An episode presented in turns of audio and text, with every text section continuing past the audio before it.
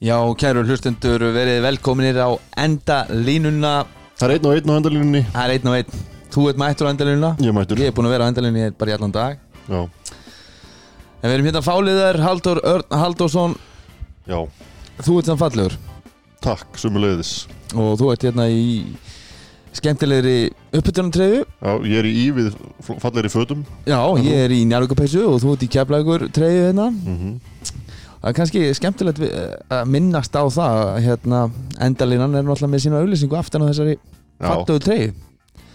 Það er þetta að spotta það í leiklífum Ég kefla ekki Já, Beinu- þá, beinum þá, útsendingum. þá, þá getið þið séð svona þeirra Já, baki á þresti svona oftar en ekki.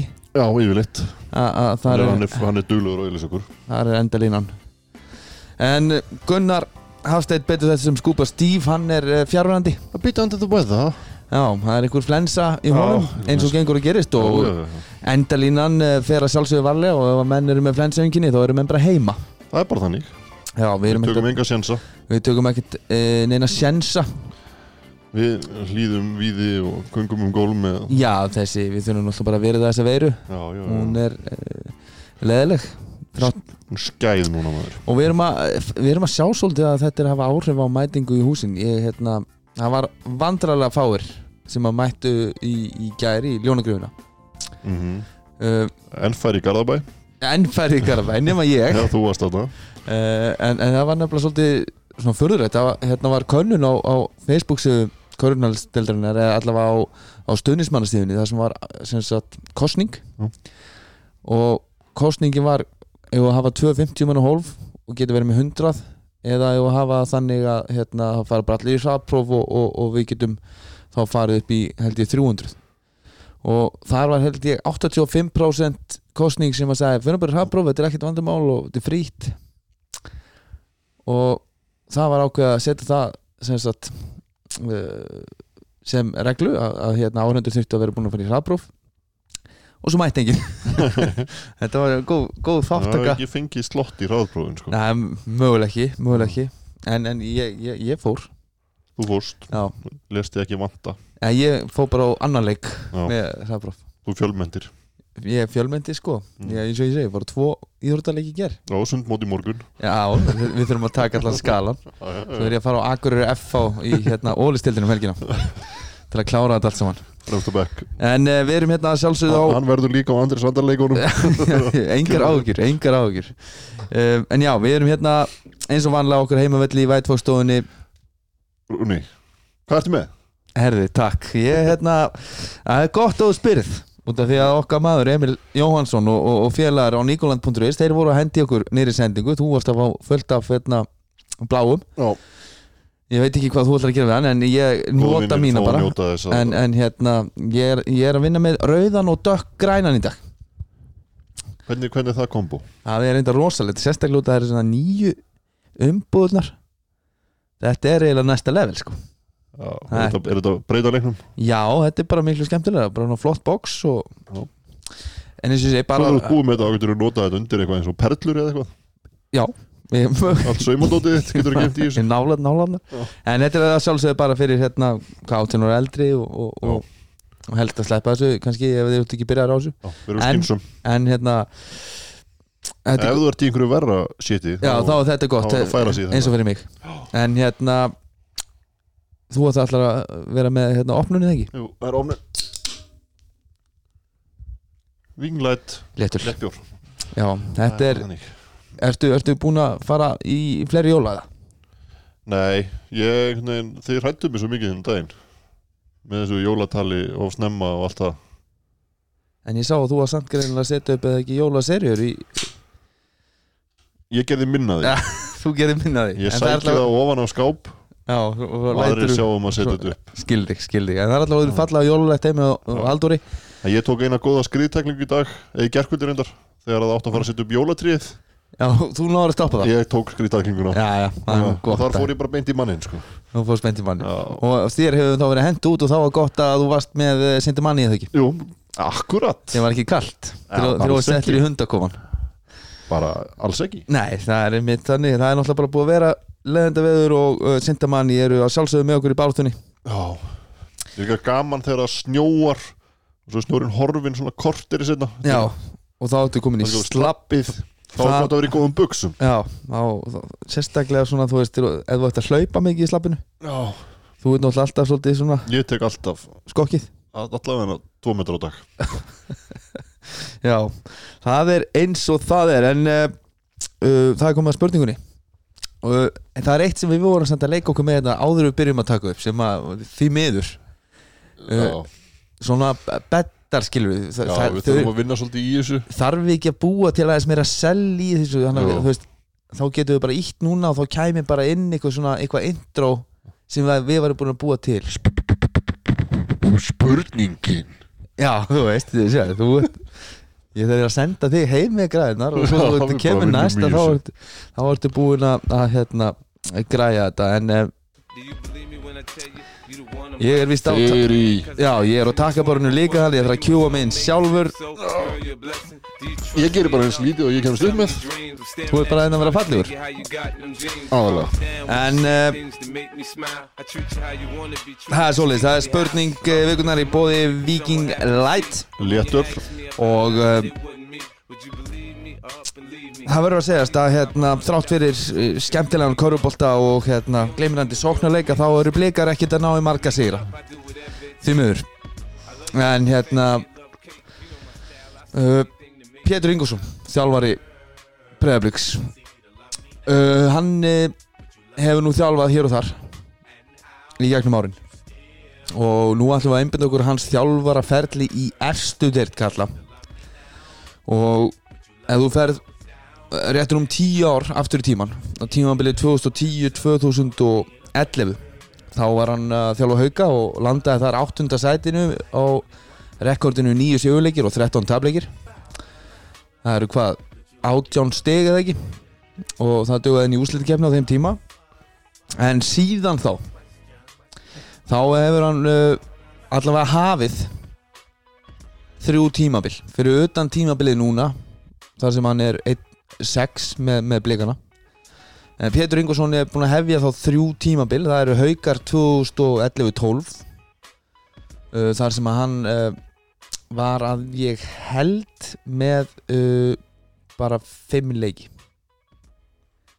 Uh, svo er það Skallagrimur 2014-2015 þar sem voru 11 leikir. Og svo var það breyðablík 2019 þar sem að voru 22 leikir. Þannig að spurningin er bara til þín Haldur að þessu sinni.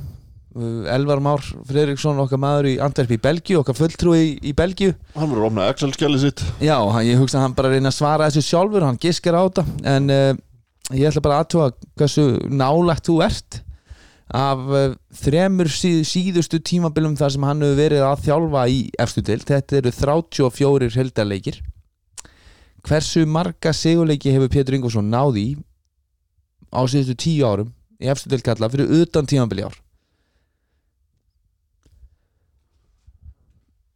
Það sé að fimm. So close but yet so far. Ekki er á fjórir. Það eru fjóris Er það? já, Ég er nefnilega að byrja í þrem sko. Þú veist, en Það er alltaf lítið. Fjórir Ég endaði einhvern veginn í fimm Sem var slæm ákvörðun. Já, þetta var ekki alveg nóg gott en hérna, Ég veið bara gera betur Eins og Pétur. það er bara svo betur. já, það er, það er bara svo hann hérna, það er skemmtilega að vinna.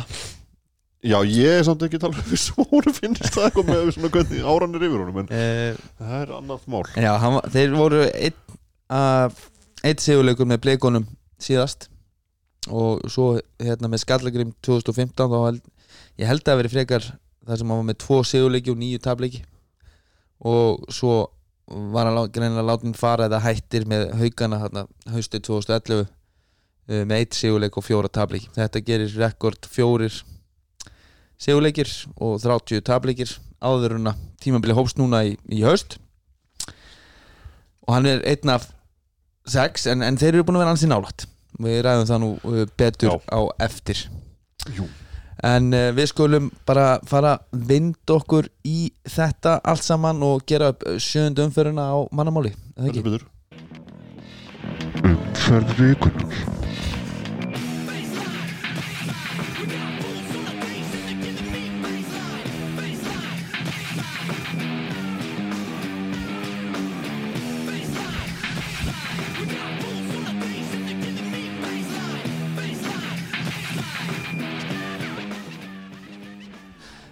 eins og uh, hlustundur heyrðu þá var Dóri byrjaði strax í tilhörnum mennskunni. Þetta, ég er ekki frá því að í, bara í, eftir má landsleikjalli þá verður þetta komið, þú veist, þá kemur eitthvað dun. og svo kemur, hvað er að síð skilur þetta er Já. Það er maður að fá einhvern, þú veist, til að lesa þetta. einhver alvöru rödd. Já, já, já, ég veit ekki hvernig það væri Bó væri náttúrulega það verður best. Það kostar kannski svo mikið pening en, en, en hver veit. En uh, já, við ætlum að byrja í hellinum. Heimavöllur hörkunar heimavöllur hörkunar, það er eins og það er og hann, var, hann, hann má segja að það hefði staðundi nafni í gær íringar uh, mættu galvaskir eftir ansi brösu að byrjun á mótinu og fengu kannski uh, bara hefði fullkomna lið á þessum tímapunkti til einhvern veginn að reyna að uh, kickstarta þessu í gang.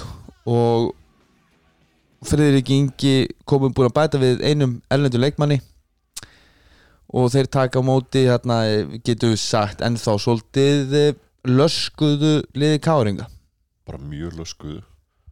Þannig að þú veist það vantar tvo af þreim útlendingum sem þeir kaupa fyrir dífambilið og það verður að segjast að allavega annar þeirra er náttúrulega bara major partur í því. Bara hjartað og sálinn og hugmyndir akkurat. og bara hausinn og á bakvið þetta allt saman. það, svona þessi leikur berði svolítið merki sko. Svona hopp, hoppaði svona yfir hennar leik og, og það er bara sam og við sáum raunin á móti stjörnunni að þeir eru að tapa boltanum mjög illa á köflum. Erfitt með að koma boltanum upp völlin og já Veigar er ekki alveg tilbúin í þetta. Nei, það vantar Bjössi- svona einhverja leikstjórn Já, svona, Bjössi var svo sem ekkert að gera neitt betur hann var að tapa boltum hann. Þannig að þetta er þetta er náttúrulega bara þetta er bara erfitt. Og hérna náttúrulega, enn og aftur þá er náttúrulega Sean Glover að skjóta allt og lítið fyrir þetta lið. Skjóta 12 skotum en það kannski er svolítið partur í því að þeir skjóta bara 58 skotum í leiknum. Já, þeir eru bara með 58 fílgóla tempt sem Já. átti 85 þetta er Uh, bara galinn tölfræði. Þeir eru náttúrulega bara ekkert að ná í svonharagust og nei, nei, þeir uh, voru ekkert að stela boltanum heldur og ég veit ekki þú veist hvernig, hvernig einhvern veginn þú, þú missir þessa tvo aturumenn út úr myndinni og þú ert með unga stráka þú ert með, með Brynjar, þú ert með uh, hérna Bjössa og og Bjössa og, og Þórir leikmann umfyrirnar í síðustu viku sem gjör svolítið frábær þá uh, þú ert með alla þessa menn. Uh, ég myndi halda út af því að leikurinn er svona í afnum til að byrja með og svo hérna komast íringandir aðeins yfir og Káar kemur áhlaup tilbaka. Stert hjá ír síðan hérna, í, í byrju setna að svara aftur og taka stjórnin á leiknum. En ég myndi halda sérstaklega í, í, í þessari stöðu að þú bara þú, þú ætlaðir að, lá- að búa til skot fyrir þinn besta sóknamann a.k.a. Sean Glover. Hann er 8 af 11 inn í teik. Það gerir uh, að ég held uh, 73% nýting. Hvernig er það ekki bara eftir, í hvert einasta skipti sem þú ert ekki búin að skora tvær, tvö possessionir röð? Herru, já, já, drengir, við skulum koma boltanum á okkar bestamann og, og, og látum hann klára hérna þessa sók þetta er náttúrulega bara nákvæmlega sem þú sagðir á það vantar bara leikstjórnina. Já, þú veist eins og þú, þú veist, þó þú sett með þú veist með veigar sem er bara ungu strákur bara er að koma þarna upp í fyrsta sinn. Í rauninni í svona alvöru alvöru spilamennsku, farin að starta núna tvo leiki í röð. Svo er þetta með Bjössa sem er kannski ekki þessi hefðbundi leikstjórnandi. Hann er ekki maður sem að fer upp og fer á einhverju skrínum og býr til eitthvað mikið fyrir aðra. Hann er meira svona að gera það út úr flæði leiksins er ekki góður að koma upp úr playum og gera búa til hluti þannig fyrir sjálfa sig og aðra. Já, þannig að þetta er bara málið. Það, þú veist, rauninni sko auðvaldasti maðurinn í, í deildinu til að búa til skot fyrir er þessi maður. Þú veist að láta hann fá hann einn og einn og færa þig. Akkurat. Það er, þetta, þetta er ekkert flóknar en það. Hann finnur sér leiði til að skora boltan Já, ég, ég er náttúrulega, við sáum uh, þú sást partur úr þessu leik. Ég sá bara, ég, ég mitt skrollaði yfir leikin á sörfurnum í dag Mhm. sko, mér fannst samt ekkert eitthvað það var ekkert endalust verið að búa til opin, opin skot út af því að þeir koma boltanum á, á Glover og, og, og þeir hérna spila það góða liðsvörn hann þarf að losa boltan og galopna menn mér fannst, þetta, mér fannst þeir bara vera að leita í alls konar vitleysu já, já.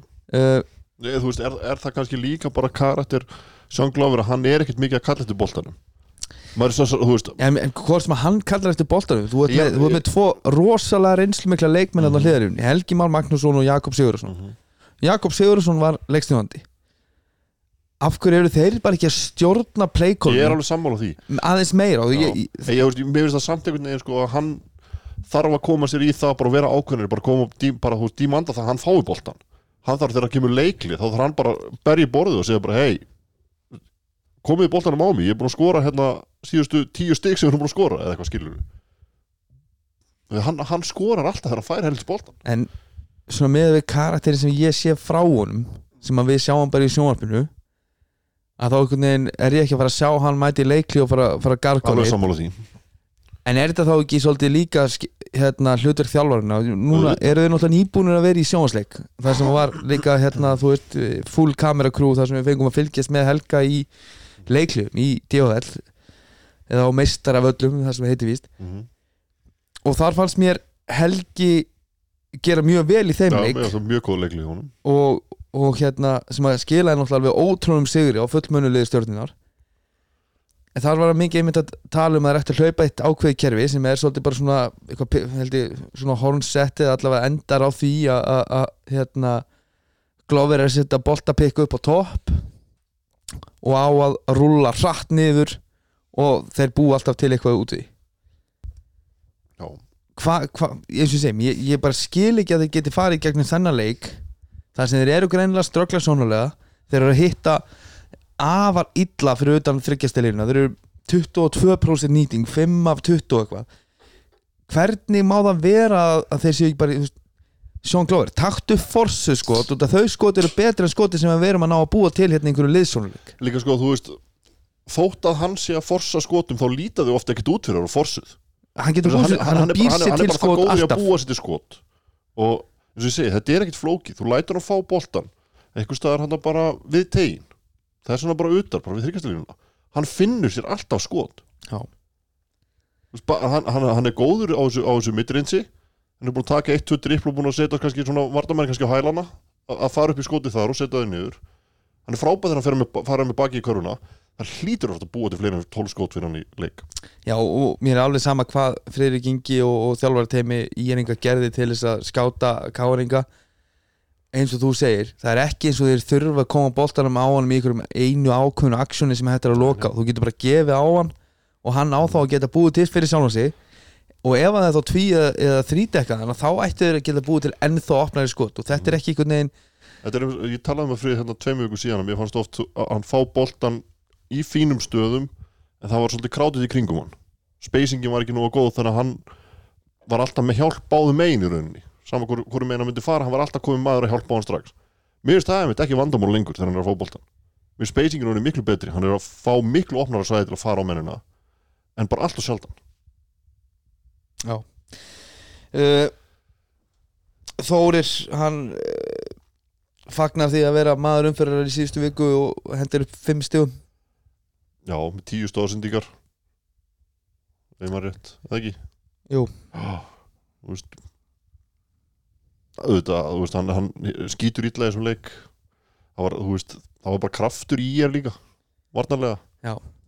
og þeir eru að gera þetta erfitt. Þá er, þá, þú veist, þá er svo þægilegt að koma boltanum á Glover. Sér, hann er svo rólegur í þessu öllu. Þannig að já, náttúrulega Þorvaldur Orri náttúrulega bara geggjaðan leik. Hann er að koma frábælinn í þetta tímabil en eins og, nei, bara, mér veist bara það er káulið svo, ma, svona mannað.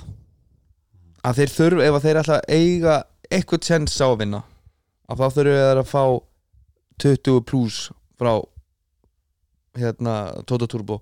Þeir þurfa 15-20 frá Brynjari og, og góða nýtingu þryggja þeir þurfa allan að svona, þú veist, leikin sem hann var að setja upp um daginn með 14-15 eitthvað svo leiðisleik hann er með 14 stíð í gær en eins og ég segi, þeir þurfa alla þessa uh, Björn Kristjánsson, einn af fjórir þú veist, hann þarf líka að stíga meir upp. Þeir þurfa, þessir gæjar þurfa að bera vagnin á það meðan að, á meðan að tveir máttastólpar eru ekki já, annar er ekkert að koma tilbaka sko. já, já, þeir hljóta að finna þú veist, annan væntanlega uh, taka þér eitthvað fyrir króatan. Já, já.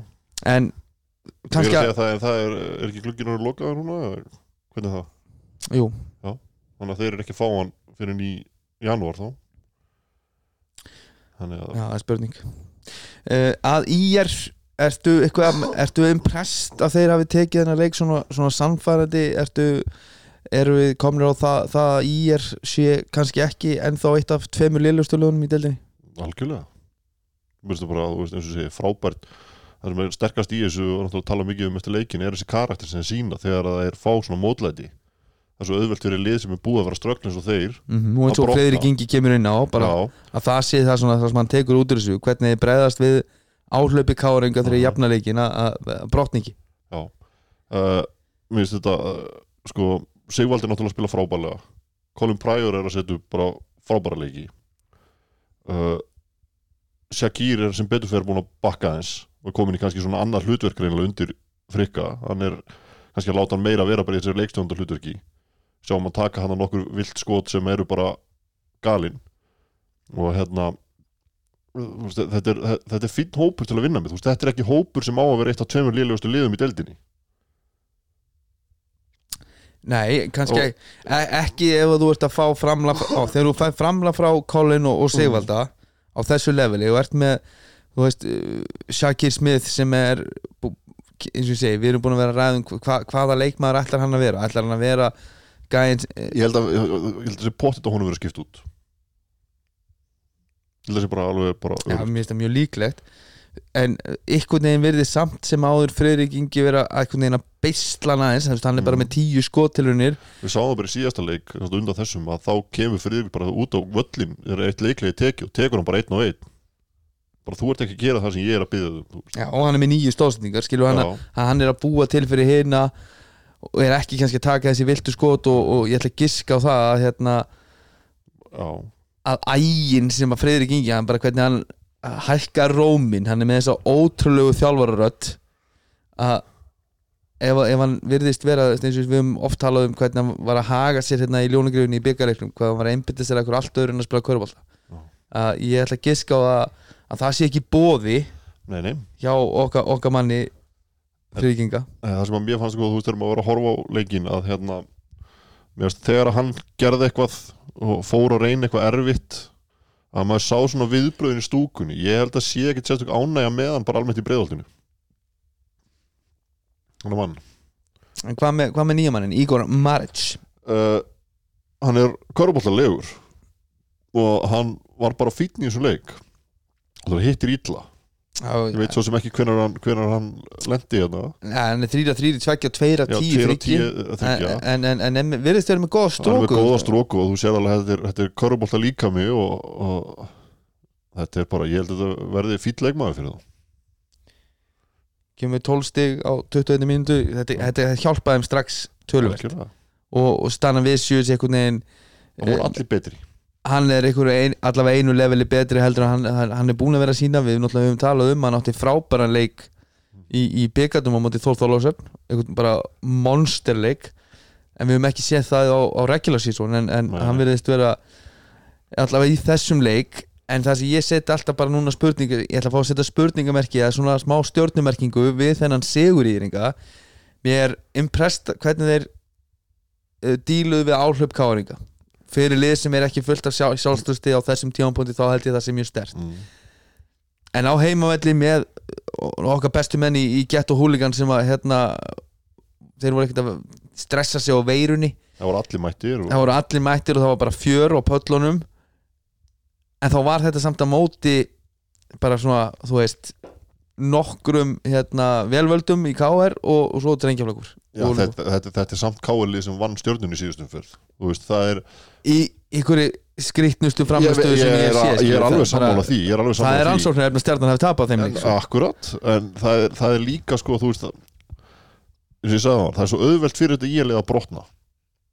Ég held að það sé bara það sýni sig, þú veist Borsi er frábær þjálfari og er búin að gera frábær hluti þannig í breiðoltinu en þetta var bara orðið þreytt bara á öll, öllum stigum. Þannig að þetta er bara, ég held að það hefur verið bara frábært og ég held að, að fá frikka inn líka er stórt bara fyrir þá. Þú segir, þetta er yfirvegað gæi hann veit nákvæmlega hvað hann, hvað hann vill gera í korfubólta og ég held að þessi stráka séu líka alveg tilbúinir að fylgja honum. Og settir svona spurningamerki við Shakiri upp af hvað hann myndi gera í þessu. En hann virðist vera að fylgja honum líka þannig að það verður gaman að fylgjast með þessu framhaldinu.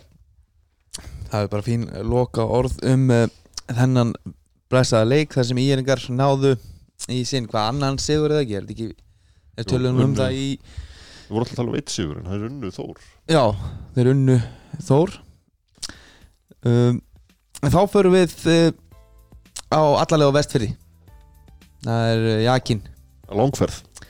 Uh, Vestramenn Haldur, þeir tóku múti toppleik grindíkinga já, Grindavík uh, líklegast í bóði Bus for You. Þeir kerðu degi fyrr.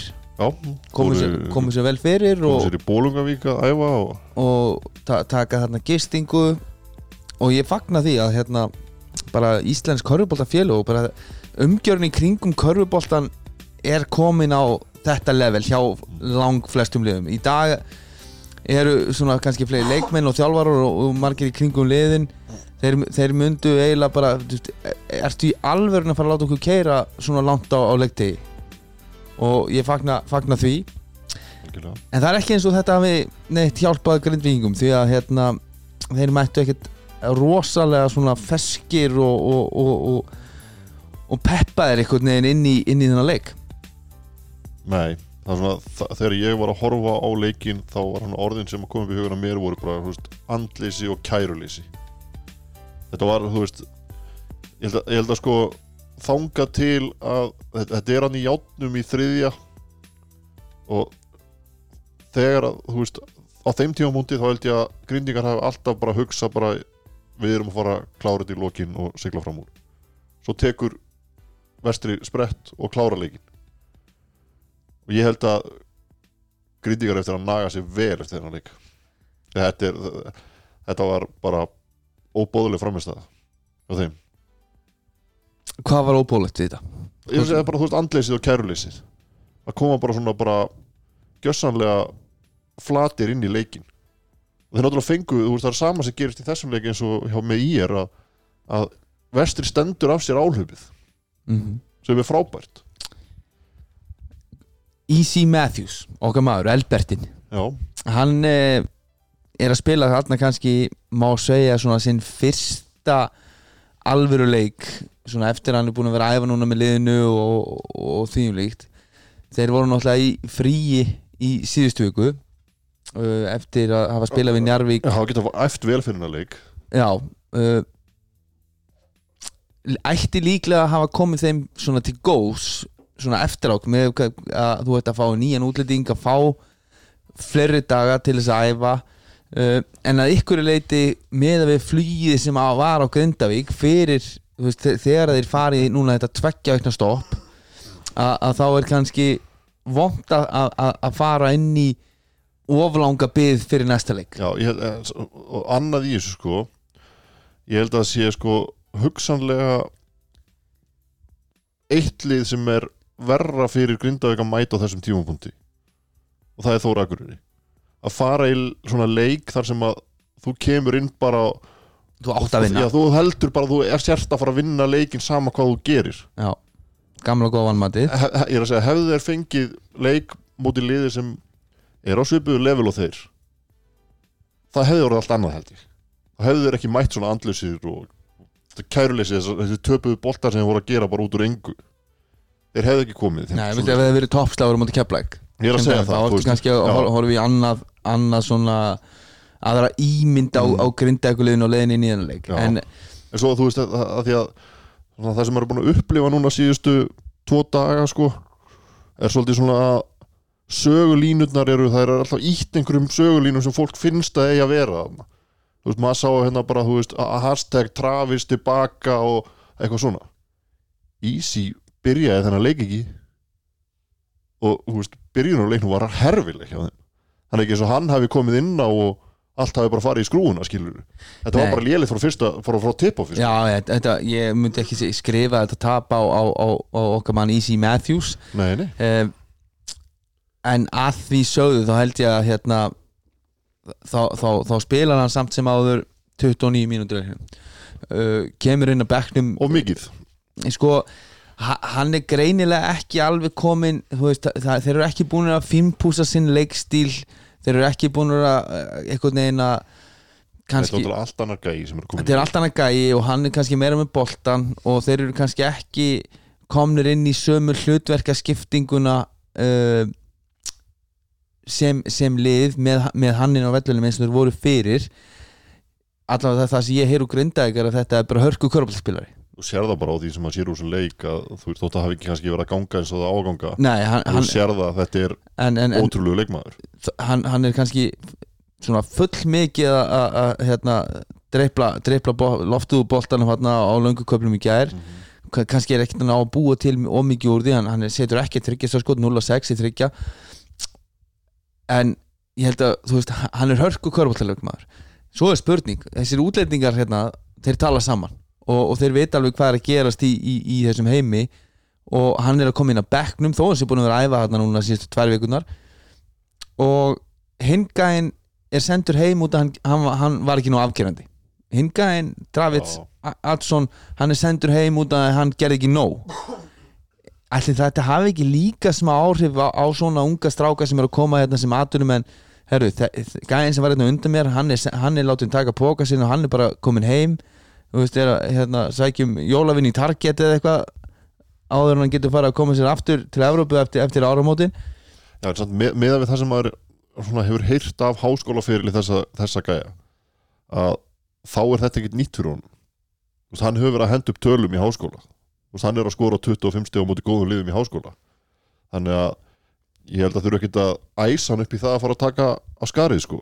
Nei, en, en er það kannski, þú veist í he, he, heldur 40 þá að sé að fara fram úr sér að því að hann bara, þú veist, hann ger, fer á stað þegar hann á ekki að gera það vegna þess Já, að það er það er að það, það er alveg möguleiki að þú veist, í, í auðvitað viltu hafa gæða sem getur búið til fyrir þig þegar þú ert að ströggla þegar, þegar þið vantar körfu og, og þú veist, ef við, að, ef við spólum einhverja mánuði fram í tíman í playoffs í jöfnum leik, herru, bara það þarf núna eitthvað einstælisframta til að búa til eina góða körfu á loka mínútinni Já, að be- besta dæmið þetta er til dæmis í Þór Þórusson með Glenn Watson sem Akkurat, að þú veist bara slekkur á sér heyrur leikina en svo þegar þarf á ykkur að halda þá, Þá fyrir að gera það. Já hann ertu að svona Já, já, en Glenn Watson og, og, og, og félagar í, í Þór þeir eru allir komnir inn á þessa boltarhefingu uh, hvernig þeir vilja spila heildrænt yfir í 40 mínútur sem lið.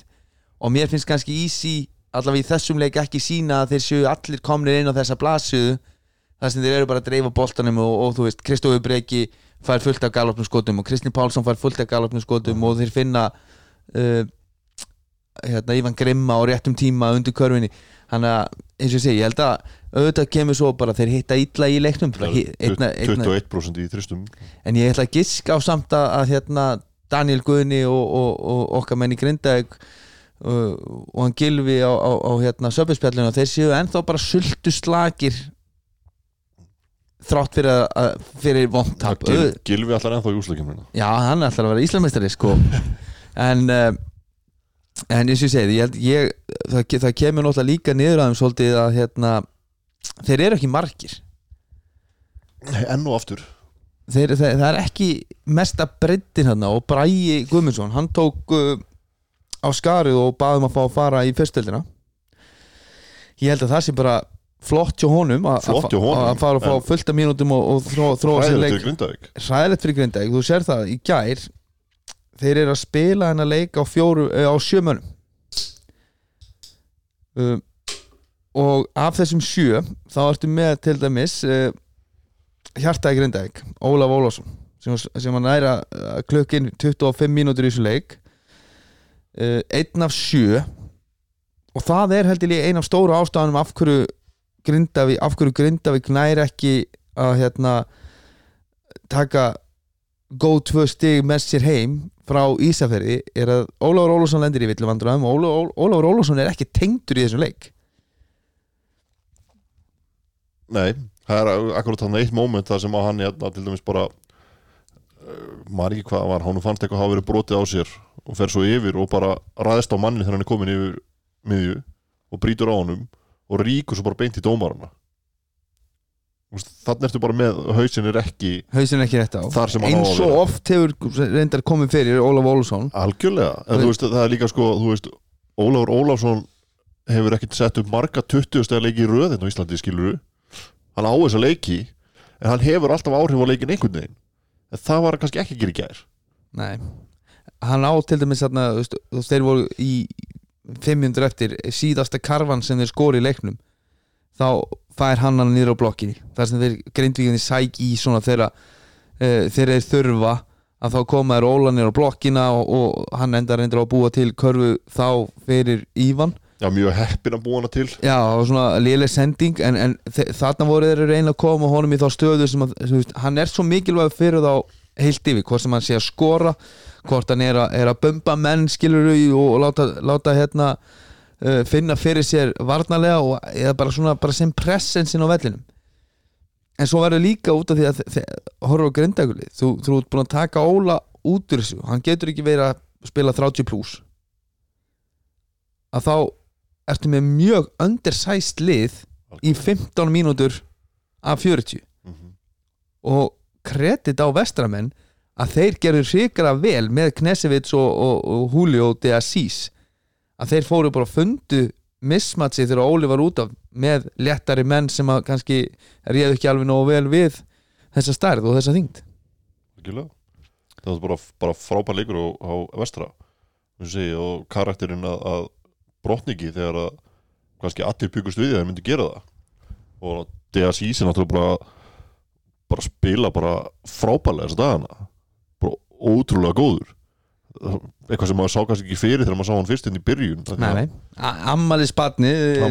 bara, með, með 20 stig og 39 í framlag. Það er allt í lagi. Bara geggjur skotnýting, er að frákasta.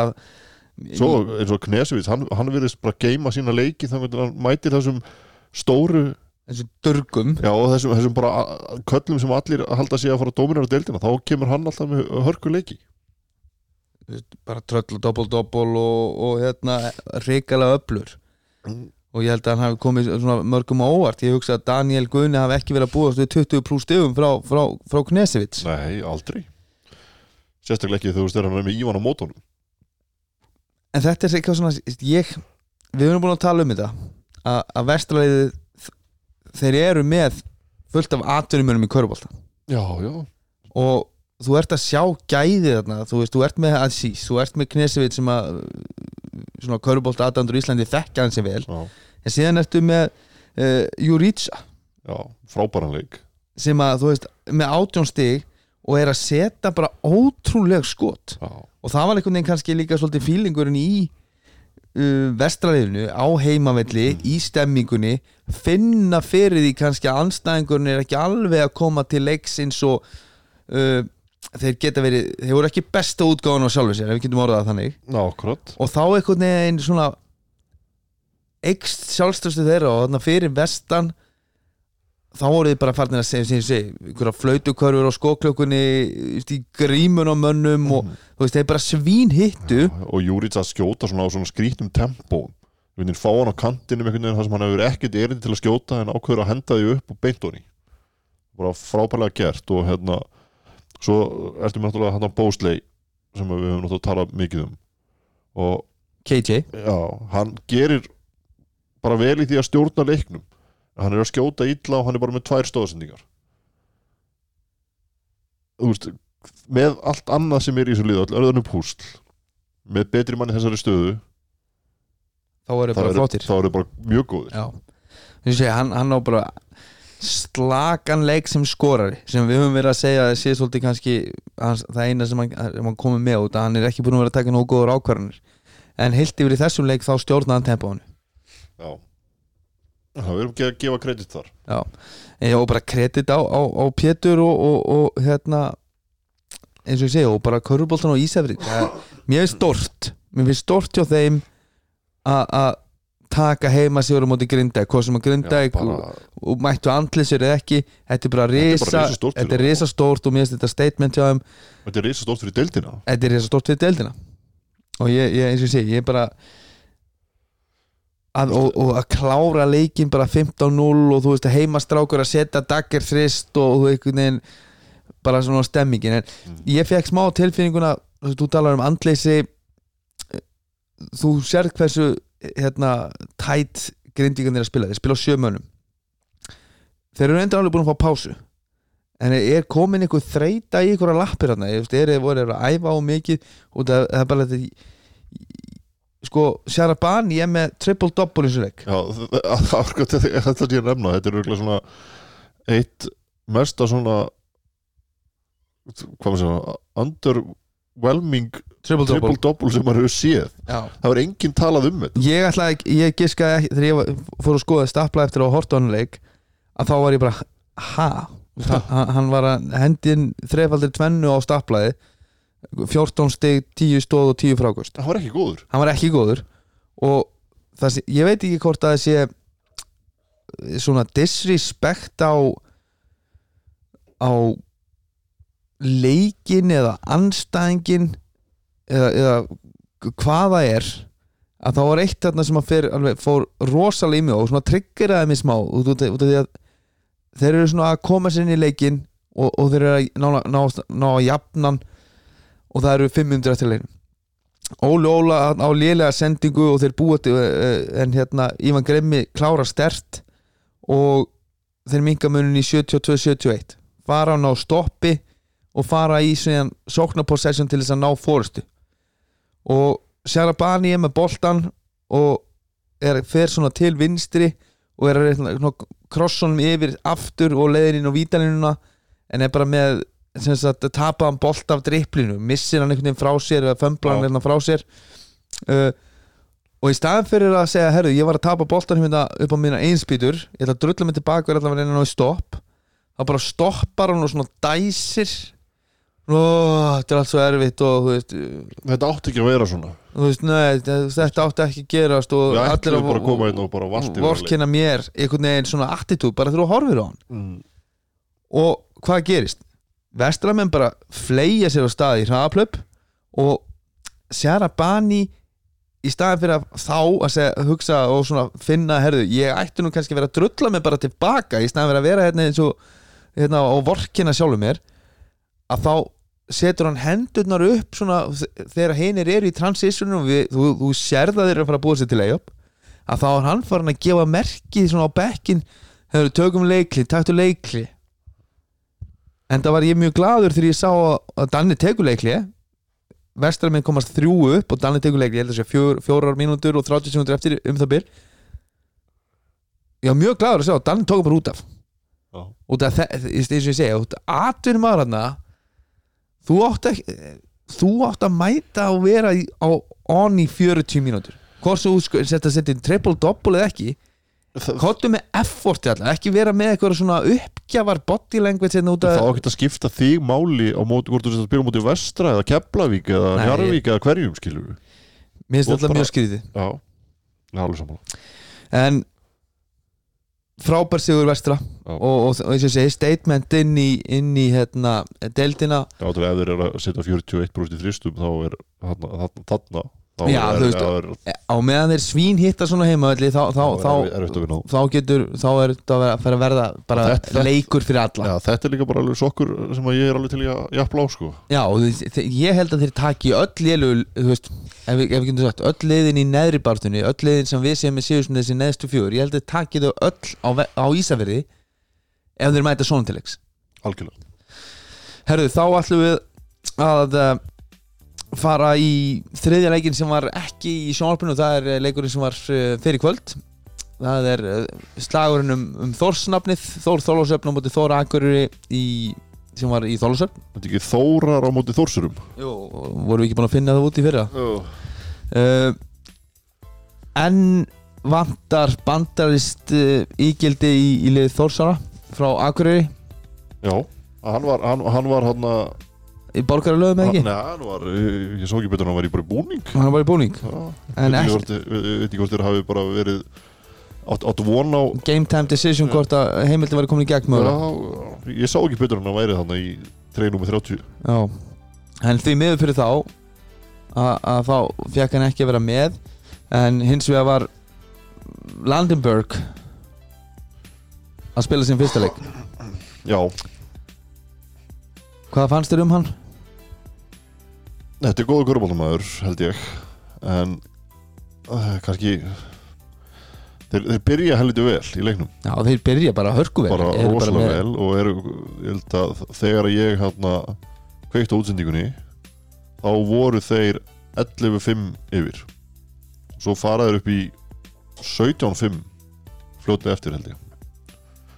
Ef ég mann þetta rétt. Og fljótlega eftir það þá kemur Landenburg inn á og það svona riðlaði svolítið leiknum hjá þeim að mesta fórust og var eh, ég, mögulega þessi 12 stíð 17-5 Já. 17-5, já Þannig að segi, hann, hann var að setja skot hann niður og, og alls konar svo leis en þetta það vantar náttúrulega bara þetta bandarinski gildi í þetta lið og það gjör breyti liðinu þú ert komið meitt hann að rum í tegin sko.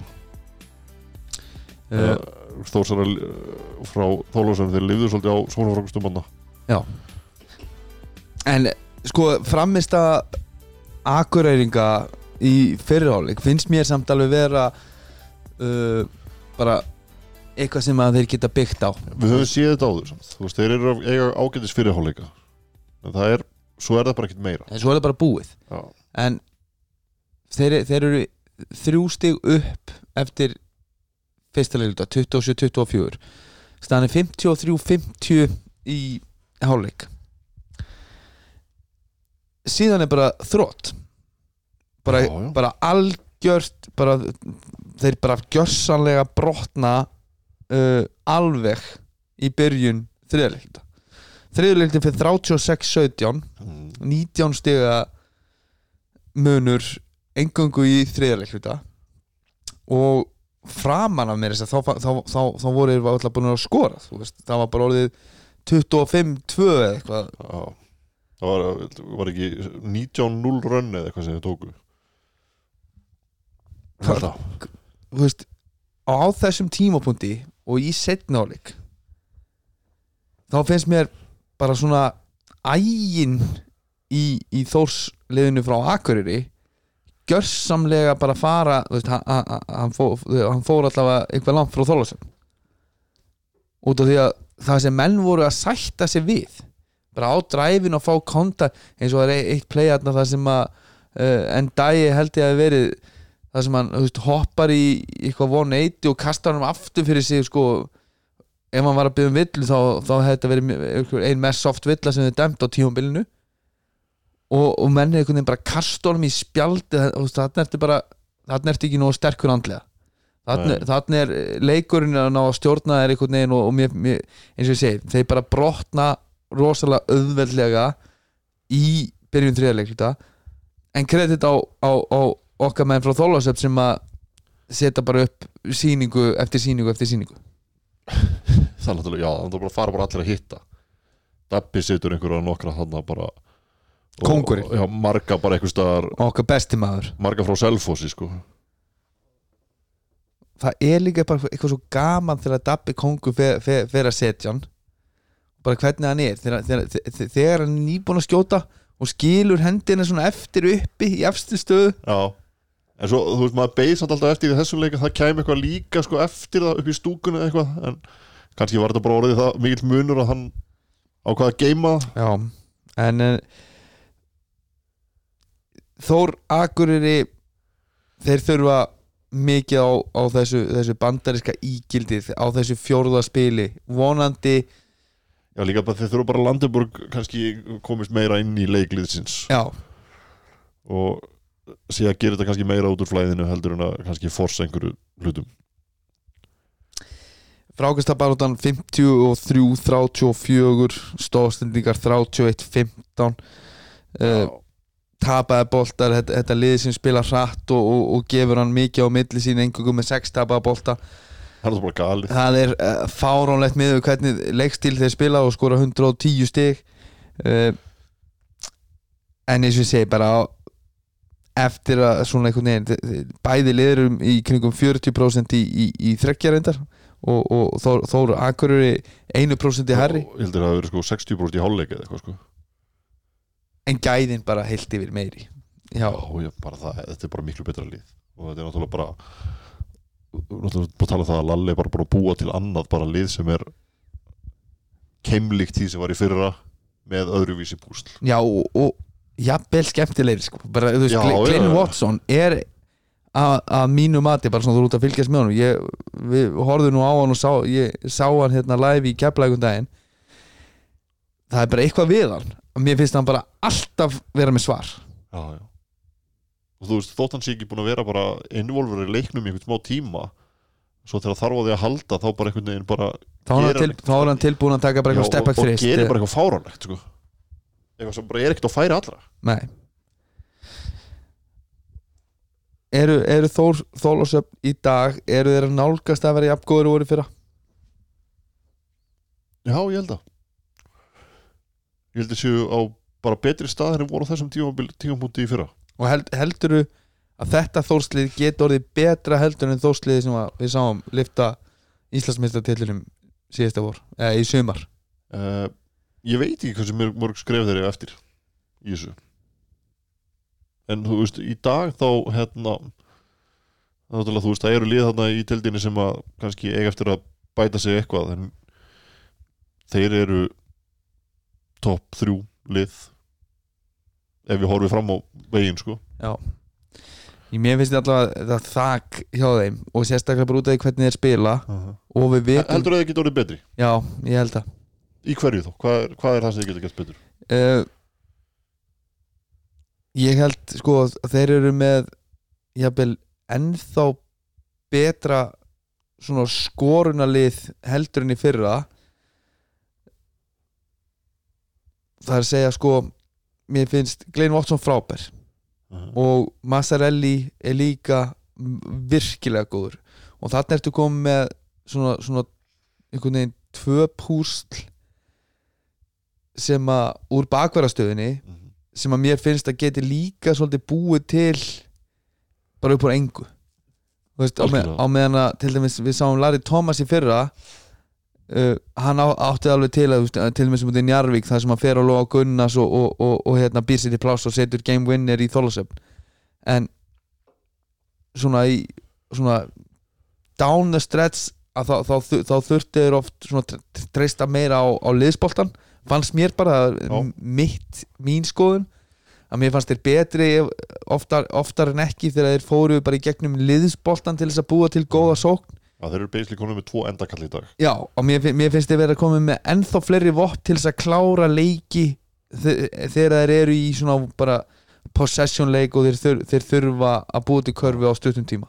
Að, það- að þá eru með ennþá fleiri gæja af dripplinu sem að geta búið eitthvað til. Þeir eru með rosalega hérna, ógn í, í áfram í, í Mortensen líka fyrir utan þryggjastilínuna í hérna, Ragnari Bragasinni í Dabakong, í Emil ég held ég, ég held þeir geta orðið betri og veist, Mm. þessi leikstíl sem að þeir eru búinir að sína okkur og þeir eru búinir að hérna bara svona se, Við getum bara að fara að kalla þetta bara Þór Þólás upp körubólta Þór Þólasöf Körupollan, þeir eru farnir að spila það og þeir eru farnir að gera vel. Og svo ef við gefum líka bara kredit á, á hérna, þjálfara liðsins, Láris Jónsson það sem að hann hefur sínt fram á hann geti galdra fram úr sínum þjálfarabókum í varnarstrategíum og öðru slíku þegar út komin í hérna, leikina sem skipta máli að þá hérna, held ég að, að þetta lið geti ja, eins og ég segi, bara orðið betur enn í fyrra.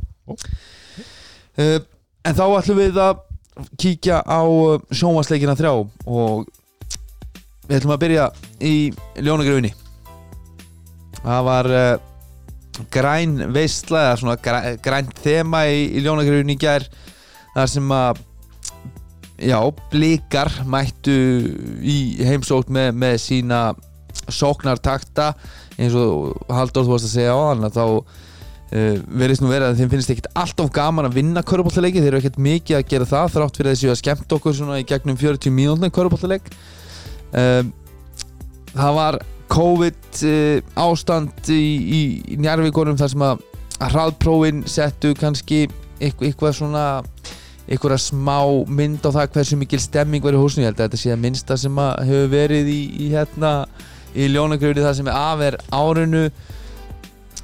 En það sem að breytist lítið það var það að blikarnir hendu í 60 pluss stig í, í fyriráleik Haldur, hvernig eh, hversu góð var þessi njárvíkuvörð sem þú sást eh, framanlega ekki hér? hún var alls ekki góð.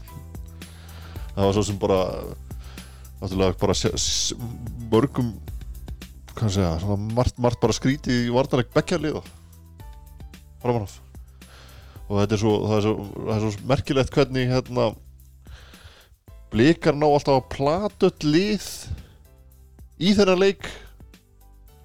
Bara með því, veist, þessum, þessum fáránlegum varnatilbúrum sínum. Alltaf að gefa eit- eitthvað. Og þú veist, ítrekka eru liðin á mótið þeim að skjóta fleiri þryggjastskotum en þeir sem við erum að all, allir eru að tala um að þeir, þeir eru að skjóta svo rosalega mikið og spila svo hratt skjóta sko. vilt og galið og, að liðin eru að skjóta bara meira á mótið en er það, sko er það ekki samt líka strategía algjörlega, það er strategi og það er það sem þeir eru að lifa og deyja með. Að fá liðin til að skjóta þessum skotum. Njarvík er að taka 35 þryggjastæða skot í gæra á móti 36 þryggjastæða skotum blika. Ok, þeir enduðu þannig, já, Já, já Eh, okay. Njarvík er að taka eins og að tveimur fleiri skotum. Uh, en það, blikarnir virðast það er kannski eitt leikur sem að hérna það er hægt að segja þeir hafi ekki náð að keira síðan svona upp eða, eða finna þessa hittni en fyrir utan þann leika þá eru einhvern veginn búin að ná að uh, halda sér á rosalega svipuðum damp í öllum þessum leikjum í, í, í gegnum tímambilið þeir eru eins og segi, þeir, þeir fá liðin til þess að hlaupa með sér en, en góðu punktur kannski eins og við herðum í, í tilþrjónum í gær í umfjöllunum um, um þennan leik. Hvort að þjálfararnir sé ekki bara herðu, í staðan fyrir að vera eitthvað að reyna að hæja hlaupum bara með þeim og sína þeim að erum betri betri í körbólta heldur þið. Já, en það, það þú veist, kannski, kannski þegar að líður á tímabili þá eftir að sjá lið gera þetta í meira kontról. Þetta er svolítið vilt núna sko. Já, þú, þú getur alveg spila með þeim án þess að vera svona viltur Þannig að þú veist, þú ert að fá þú, þegar, þegar liður er farin að lesa það hvar eru að gefa opið að þá er kannski eftir að leita meira eftir því og, og þá verða skotin betri í því, í staðin fyrir þetta sé svolítið svona það virðist vera oft svona tilvílunarkent hjá liðum sem spila á móti. Já. og kannski er það vegna þess að vörnin er bara tilvílunarkent þeir eru aldrei að gefa saman hlutin, maður veit það ekki mér, mér, mér Siggi Ingimundar þjálfaði okkur nú báða hérna í, í gamla dag við getum orðað það þannig. Það sem að hann var alltaf að tala um að vörnin væri veikust á síðustu 8 sekundar uh, ég held að það sé rosalega satt hjá blikunum út af því að sko blikanir er að setja upp veist, á, á löngum köplum lítaði bara ágætlega út varnarlega út af því þeir eru, það er orkið þeim þeir eru með hendundur út um allt. En mér finnst einmitt, veist þeir eru kannski góðir í svona 12 en, en, en setni 12 að þá einhvern veginn oft svona þegar þú ert komin það er bara, þú veist, að þá Því- dettur ákveði niður og, og það er að, ef, ef, ef að liðin fara aðeins dýbra inn í sóknar þá, þá falla þær á rosalega skrítnum stöðum falla rosalega mikið og það, það verða bara til Ég, ég held að þú getur mér þess að gert á minni tíma með því að koma boltanum bara á kantinn og svinga honum hratt yfir og kannski tilbaka. Veist, það getur tekið sko 8 sekundur og ég held að þá settu búin að gjössanlega setja að fæsluna þeirra eru ekki góðar.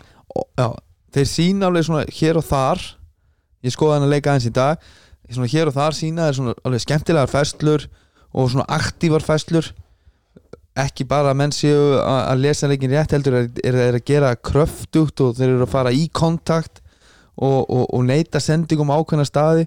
En svo einhvern veginn bara, þú veist, 5 sekundur setna þá er eins og þessar reglur hafi bara, ho, bara. horfið og þá var allt í hennu bara var einhver galopir sending á einhver galopir leikmann og, og, og þristur í andliti Já, Á- það er ekki bara því að þeir eru svona veist, þeir eru með ákveðna reglur og þeir snúast bara því að, að þegar að við erum búinir að gera þetta þá erum við að fara í sókn og við erum að fara að taka þrist mögulega, ég, ég ég bara, er bara líkur á ég eftir að ringja í góðvinn minn Pétur Ingvarsson og, og bara. spurja hvað er að frella? bara beðnum að fræða með þessum Mm, hvað er að gera? hvað er að gera ég veit að Pétur Ingvarsson er mjög hrifin af alls konar rugl vartanleik hún er langar rosalega mikið og hann, hann, hann er kl- klókur í því ofta tíðum. Menn fara ekkert ekki um heilt tímabilið og spila lélega á tvo þrjá svæðin nema þessi svolítið rugglaðir sko. já. Sko mögulega var það persónel vandamál líka. Það var það alveg potið það var smá sko. vandamál líka. Ég set það ekki bara á Pétur. En bara mín, mín reynsla af Pétri þegar hann var að þjóla mig að, að hérna þá, þá, þá, þá leitaðist hann oft eftir að fara svona ótróna slóðir til, vak- vaknaði hann bara einn daginn og herru, það er sniðut að spila þetta. Já, þú veist, nánast. Er, og mér fannst alltaf geggja við vorum að fara inn í serjur í úsleitukeppni og fyrir fyrsta leikin þá sagði hann yfirleitt bara stráka, við bara spilum bara svona okkar venjulega hérna, bara svona það- sem er liður kannski með svona sem basic principles.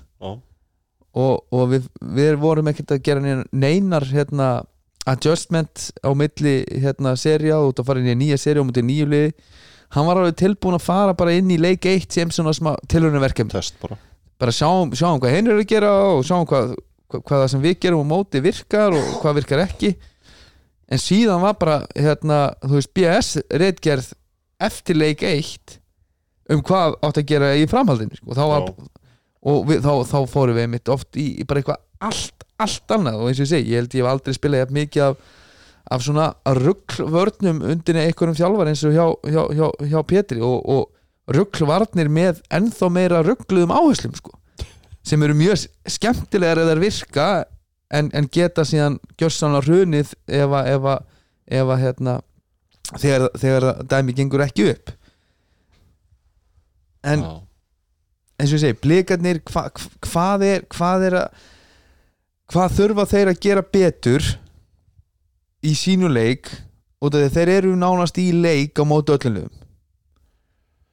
en á síðustu ég veit ekki, tveimur mínútunum á síðustu þreimur mínútur, síðustu fimm hversu langt þú vilt fara hvað þurfa þeir að gera annað Já, þú veist og, til þess að fara að ná í sigra en ekki, ekki bara spila hérna rosalega skemmtilega körfubolta í, í 39 mínútur en síðan tapari það sem ég talaði um daginn var þeir, þeir nætti að bæta við sig einum svona stórum manni sem væri hreifanlegur talaði til dæmis um einhver svona Gabrovits típu. Gabriel Eh, Sek Ga- Gabrosek típu, já. en með þetta lið þá held ég að þeir þurfi þú veist, einhvern veginn að finna jafnvægi í þessu ruggli sem þeir eru að spila. Veist, þeir, þeir vilja hleypa leikunum upp en þeir þurfa kannski að vera í meira kontról af því og þar er kannski til dæmis svo róteringar. Að við, við rættum saman í dag um, um til dæmis róteringar Pétur sísum leiki í gær. Og þegar ég skoða þetta aftur og þá hérna sagt, þeir gera þeir taka sína þrjá bestu spilar út af í fyrsta leikluta þá Everett Prescott og Danero það virkar ágætlega svo gera þetta aftur í öðrum leikluta. Þegar þeir eru með níu stega fórustu og þeir fara út af í tvær mínútur og þegar þeir koma inn á aftur þá er munurinn eitt stig. Og það er bara vegna þess að Hilmar Pétursson setti einhverja mögnuðustu end one körfu sem ég hef séð þegar hann hendur hún hátna upp einhvern veginn og hún dettur. En þeir voru búin að fá á sig uh, vartanleikur fannst með þetta niður þetta, þetta, þetta voru tvær út af. Ricciotti fær Galopi Já. þreist og, og, og svo voru þeir að fá á sig hérna bara transition körfur þetta, voru tvær mínútur sem þeir voru út af. Já, ok, gott og blessað. Þetta er rótiringin í fyrirháleik setniháleik gera þetta aftur og leikurinn hrinur það er svona þegar þeir tapa leikjunum. Já, á sama tíma þá eru þeir að fá Maríkon Jarvík skoraði mörg stíð í röð. Þetta í 12 stig, 14 stig þegar hann bara tekur ekki leikli þarna það mögulega 15 stig 15 stig já. Já.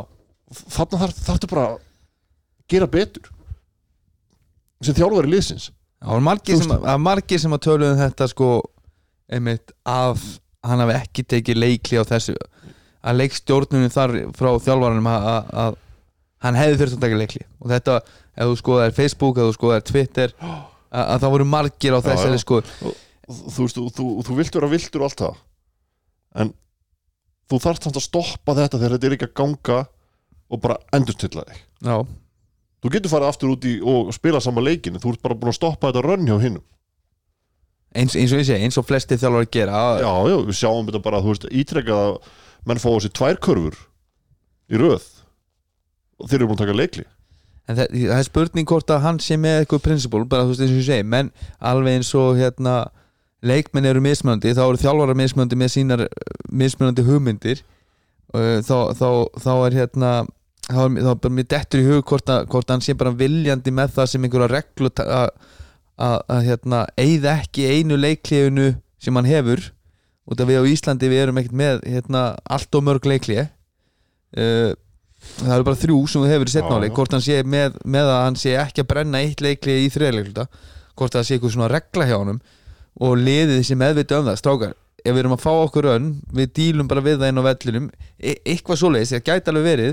En ef, ef það á að virka þá þarf það að vera með einhvern svona herfóningin á vellinum. Já, sem að stoppar, kalla liðið Já, saman. ég er að, þetta lið er ekki með það. Nei, Þú veist, Everett Richardson er leiðtóðið þessa liðs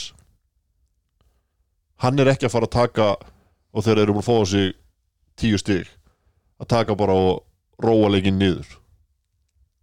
Þú veist bara slökum að þess á komumst yfir þetta fáum góða körfu. Og það, er, ekki það er ekki að gerast. Með mig uh, Varandi skiptingarna sko, ég, ég er nefnilega einhvers stað sá ég samt í dag uh, ég heyrði það að hann hafi sagt nú í ykkur viðtalinu að, að ástæðan fyrir að þetta var þessi þrýr út af þeir hefðu verið eitthvað veikir og væru að vinna sér tilbaka eftir veikindi. Já, þú þarf ekki að taka það alltaf þrjá út af einu skilur Já, það er hættulegt en ég held til dæmis að þetta, þetta er eitthvað sem að Pétur er með fyrirfram ákveði sko. svona að ég held. Ég held að, ja, Þú, Ég- þú ég- sem þjálfari, þú, þú lítur að fara inn með eitthvað ákveðið plan og það er bara frábært.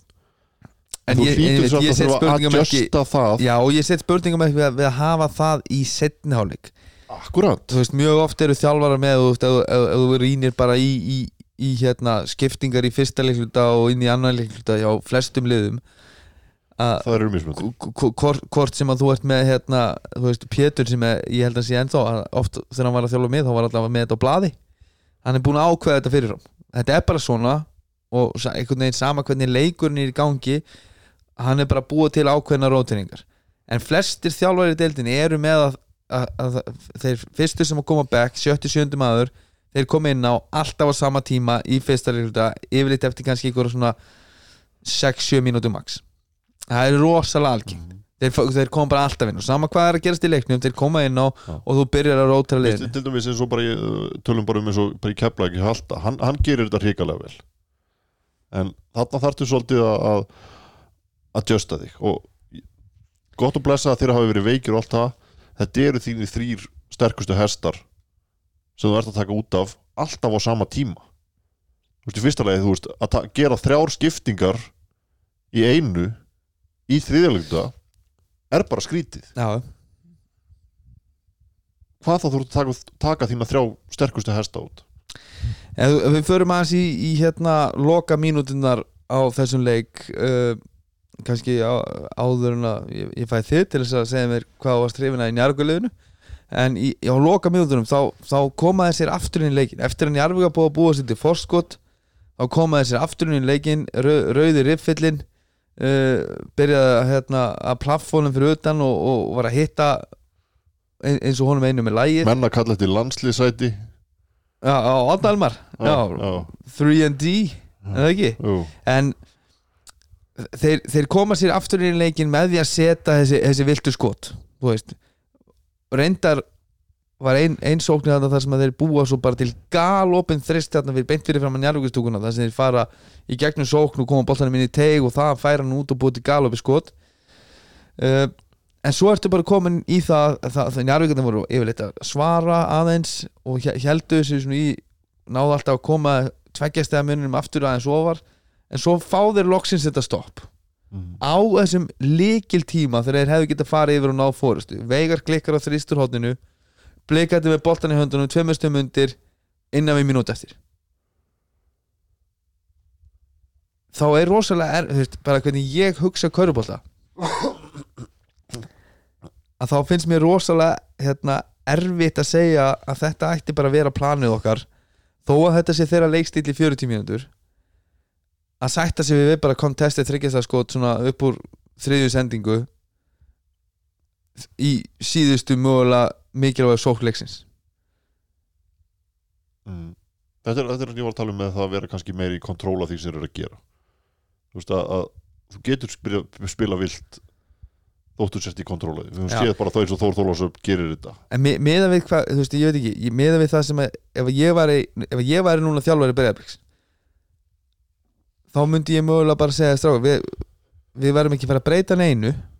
Við ætlum að spila þennan körubólta en við skulum fara hérna yfir 1-2 set play sem við eigum í, í bakhöndinni.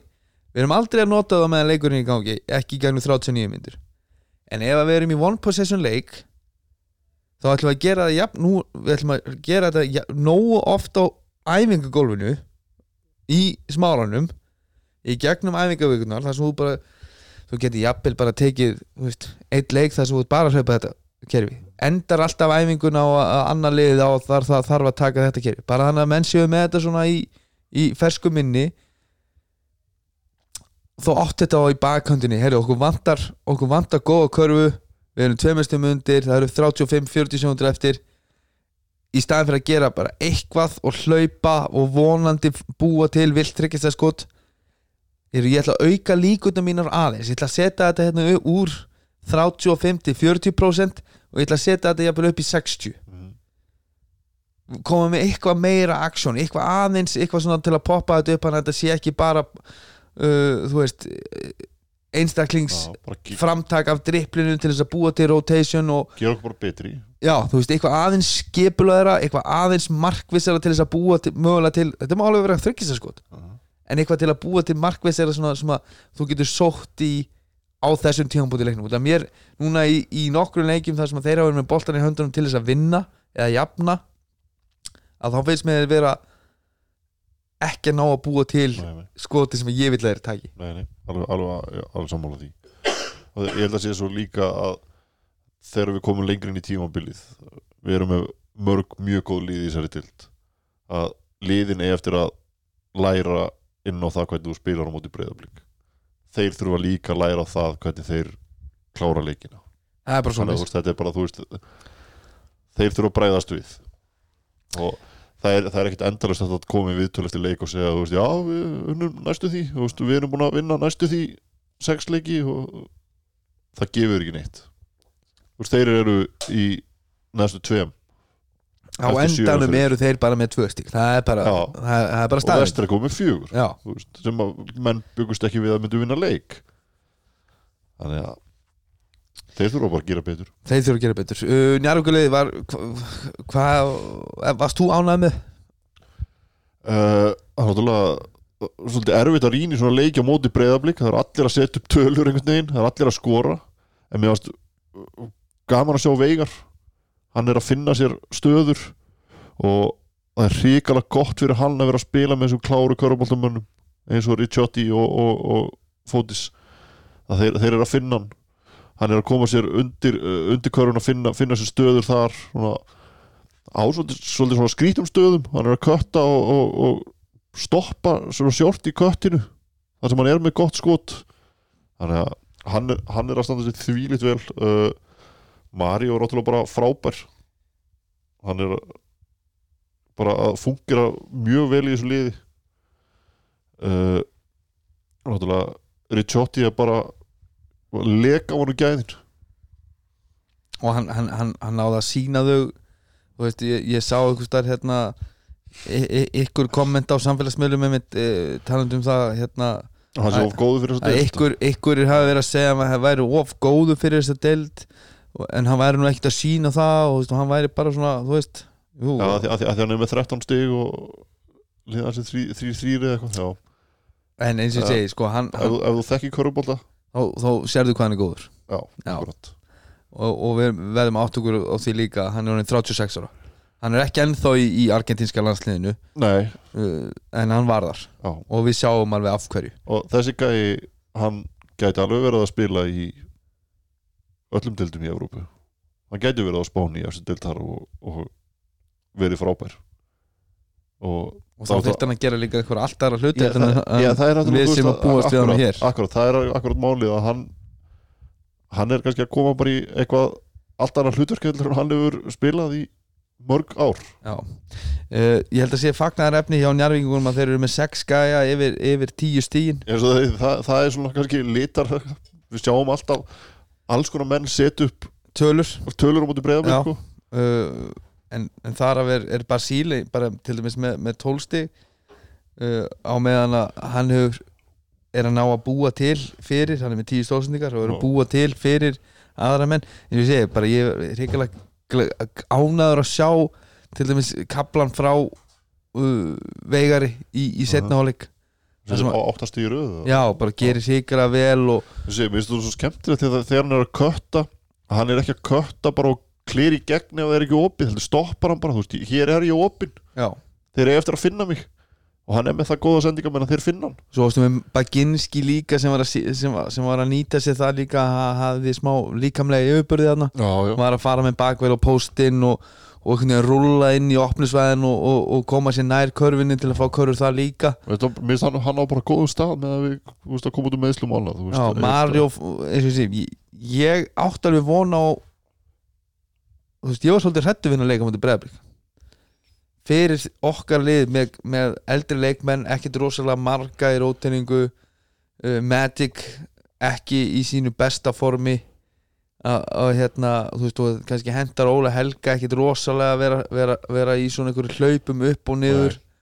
Að að- að þá var ég alveg smá hrættu við hennar leik og þennan leikstil blika en ég segi, ég bara gott fyrir Njarvík að koma sér aftur á sögubröð og, og vinna eins og ég segi upplugt blikalið sem að strandar alltaf á sama punktinum að því er veriðist Já, Pétur það bara að gera betur.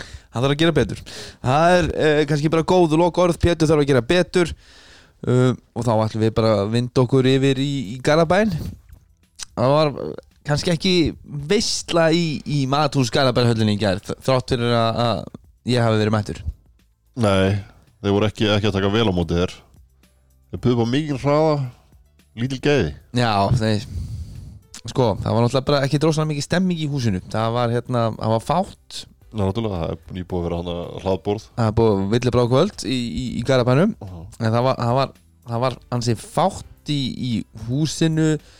Uh, Það voru jafnvel bara jafnmargir skafferingar Ég sá ekki en að það veri velmannað samt. Það var velmannað, já, jú, það var mjög velmannað. Veist, það voru voru mennur öllum podcastinu skipta máli. Já, okkar menn á, á þvottukörunni þeir voru þarna og hún varst með landslýsmenn í hérna, íslenska kvennalandsliðinu og, og hérna, legend úr Borganesi og veist, það var alls konar fólk. Já, það er gott. En hérna, Hefði mátt bjóða upp á meiri gæði. Já, ég, ég, ég, ég hugsa samt ég hef aldrei mætt á tindastóðsleik þar sem að ég heyrði, heyrði ég held bara, ég hef aldrei heyrt svona, þú veist áfram tindastóll. Nei, það voru að haga sér það var voðalega eitthvað svona, já, svona lástemming hérna yfir öllu en Hér er ekki bara lág stemming yfir þessu liði? Og kannski báðum liðunum Já, bara báðulegunum Ég bara uh, tökum að þú varst að taka tindastól. Já, sko, ég er nýbúin að vera uh, hérna á leiki í grefjunni þar sem að þeirra aðdándur mættu með læti og, og garg og bandir í stúkunni og uh, hvort að hafi eitthvað áhrif hvernig, hvernig leikunum byrjaði þar og þeir náðu góður önn í fyrsta leildu hvort það hafi kveikt aðeins í fólkinu. Ég veit ekki en hérna þetta var svolítið förðulega leikur. Uh, Já, það sem var hins vegar mögulega skemmtilegasta við allt saman var það náttúrulega að hérna, Arnar Guðjónsson var í leikbanni. Og hann var upp í búri hann beint á móti stúkunni. Já, og ég hugsaði að séu svona tveið, þrýr ónýtir uh, stólar og jafnvel uh, skemmtir í, í, í, hérna, í loftinu. Sett hann upp leikþátt Já, hann var hann sérstaklega í fyrrálum þá var hann hann berjandi og bramlandi og alveg berjálaður og, og hérna, slá í allt þarna í kringu sig sko.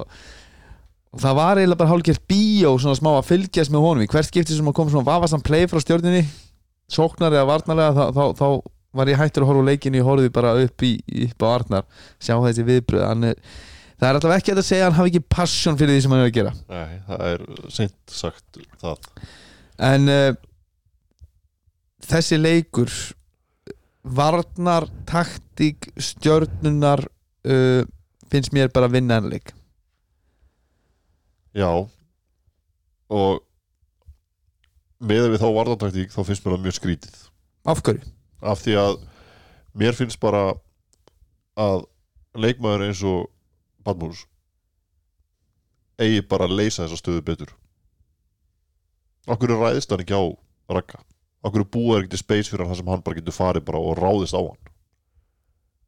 Þeir voru að reyna það það gekk hann, hann var að taka skot ítrekkað hann, hann, hann tók nokkur skot Já, en, en það, þe- það, en, það, sem, það, en er rosalega erfitt að ráðast á tveir og, og átján þegar tveir og átján býður eftir henni teg þegar þú þessi íþróttamæður þá ferðu bara stekkur inn í hann. Það er ekki svo raggi sé einhver bara monster varnamæður hann er stór en hann er klöfskur hann er klöfskur farðu bara og far, farðu bara á hann. Hoppaði á hann og taktu hangtime og, og, og bara- eftir hann brjótaður við, höfum, við höfum séð bara að Batmús getur það. Það sem að mér finnst við þetta tindastólslið mér finnst bara hver einasti leikmaður hann vera bara rúin sjálfströsti og þetta, þú veist, það, sama var í fyrra.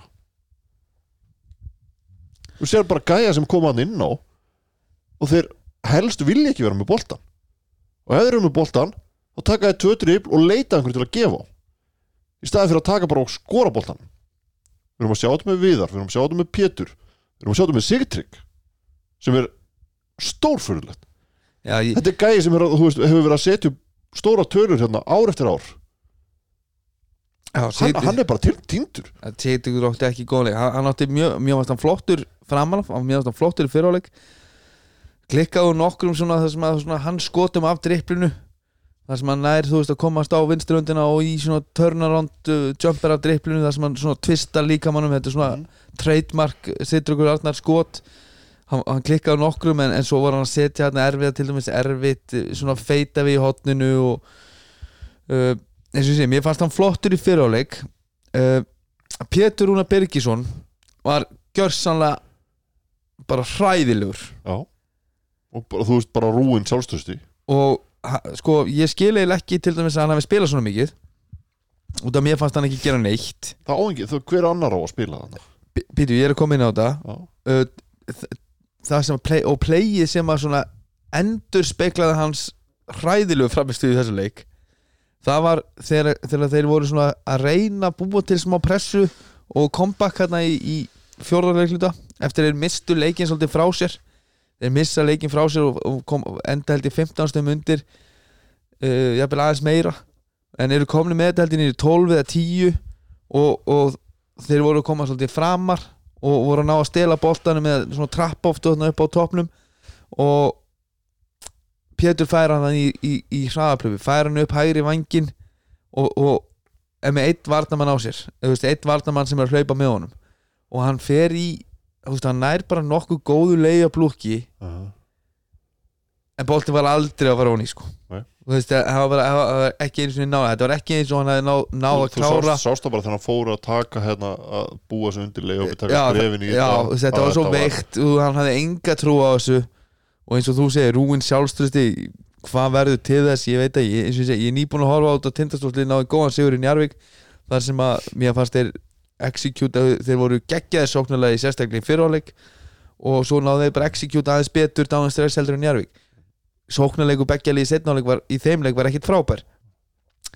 En hins vegar í gær þá er leikilatriði í, í sigri stjörnunar uh, þessi varnar taktík sem ég var að tala um og út af því að á ákveðnum tímapunktum í leiknum þá ertu með le leikmenn inn á já, þú ert með, með þrjá leikmenn sem að þú ert að bakka af að þryggjastælinni þrýra fimm, það er rosalega mikið.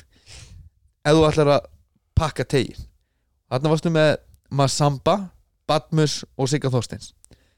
Masamba er sá eini sem kannski af þessum þremur sem að nýtti sér það að einhverju leiti að vera að gefa skotið. Þeir voru að fara undir á hann í skrýni þeir voru að skilja hann eftir, þeir voru ekki að hlaupa út í hann ef að, ef að, ef að vera að kikka á hann og hann setti þarna nokkur og, og á hann kapla, hann setur þetta í hvað, eitt eða tvö í fyrrháleik og svo á hann hann að kapla með tveimur að þreimur körfum í röð í setnáleik uh, en Ragnar Ágúst Nathanielsson var límið í, í, í, stjör, í þessu stjörnuliði það þegar hann var inn á og á þessum kapla í, þriðja leikluta þegar, það, er ekkit á, á þeim tíma er ekkit svakalegu munur það er tveggjastæð munur í háluleik fyrsta playið í setna háluleik þá stelur batminsbóltan og jafnar.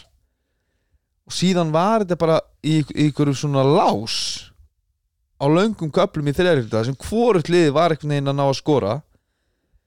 Mjög lélugur körfubolt á þeim tíma. Mjög lélegu körubólti hins vegar góður varnarleik og það var verið að loka á réttu hlutina og, og Raggi átti gjósanlega miðuna í, í, í varna, á, á varnavilli í, í teiknum þar. Þú ert með leikmenn eins og hérna Javon Bess sem var, mér fannst bara virkilega slagur í gerð bara lélugur. Og mér fannst hann einhvern veginn ekki gera nógu mikið og þeir voru ekki ná að búa til opinn skot fyrir hann. Og mér fannst hann ekki vera, mér fannst hann ekki vera jafn ákveðin eins og við höfum kannski síðan stundum. Mér fannst hann, mér finnst hann mér finnst hann þurfa að- að að stíga með aðeins meir upp. Uh, en það sem ég sá svolítið hann í þriðarleikluta Bess er ekki ná að búa sér til neina opinn skot.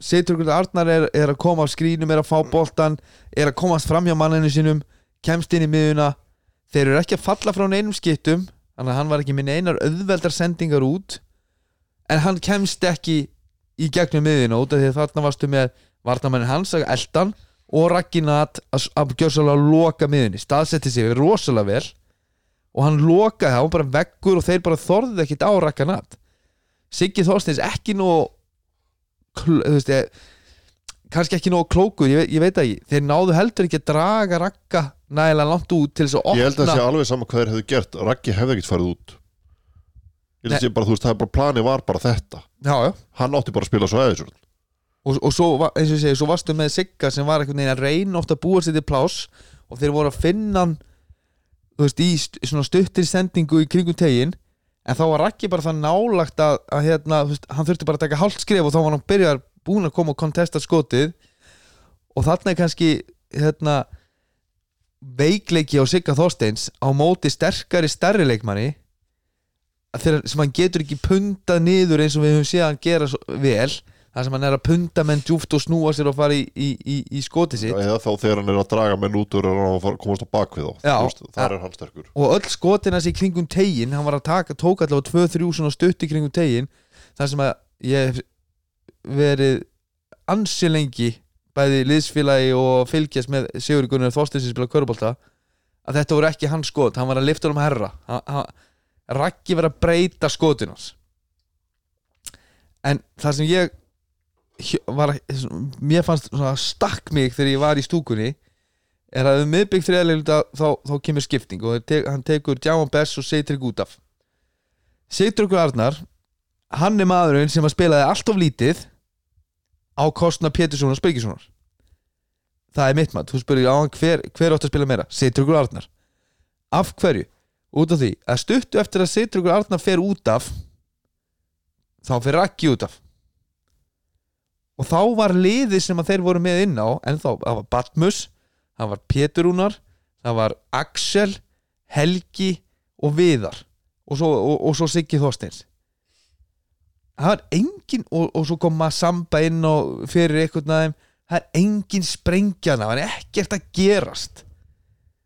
Þarna um leið og þeir voru komin með mannin sem að lokaði miðunni mannin sem að gerði það að verkum að þegar setur hún alltaf komst fram með manninu sínum að það var ekkert í bóði þegar hann var farin út af. Herru, setur hún það, kottu, Jáman Bess, kottu inn á með okkur aftur, skýtt með róteringar skýtt með plan. Ég ætla að koma með hérna smá krók á móti bragði. Setur hún það kemur ekki aftur inn á fyrir fjóðarhilda þegar Ragnar Ágúst Nathanaelsson var að koma inn aftur inn á sjálfur á undan síðtryggi þetta fannst mér vera líkilatri bara svona já. fyrir mig að horfa á leikin mér fannst þér aldrei ná að opna stjórnumvörðuna á hálfum velli og einhvern veginn hvað þeir voru að gera mér fannst þetta mér, skotin veist, ég, ég, var, ég, ég var farin að horfa bara hvað er að gerast. Já, Ax, ekki- Axel tekur eitthvað skot veist, þetta var eins og hann- var, hann var að hitta í hotn og, og handboltamarki sko, það var svo flatt og, og skakkur og Svo líka bara, þú veist, eins og með bara, þú talar um Helga. Hvað er Helga að gefa þér í svona leik? Þegar kannski bara, þú veist orð þessar umferðar er, er að menn hafi ákveðna kosti sem að henda í ákveðnu leikjum og öðrum ekki. Á cirka bátu 0 í framlag á áttamindum Helgi er nákvæmlega sá leikmaður sem henda þér í ákveðna leiki aðra bara alls ekki. Og þetta er einn af þeir leikum sem hann hendar ekkert í en ég bara, ég, þú veist, eins og bara Batmús að hendur þessum, þessum sex þristum. Hverju fyrir hann ekki að ræðist á hann? Sko, af, af hverju finna þeir, þú veist?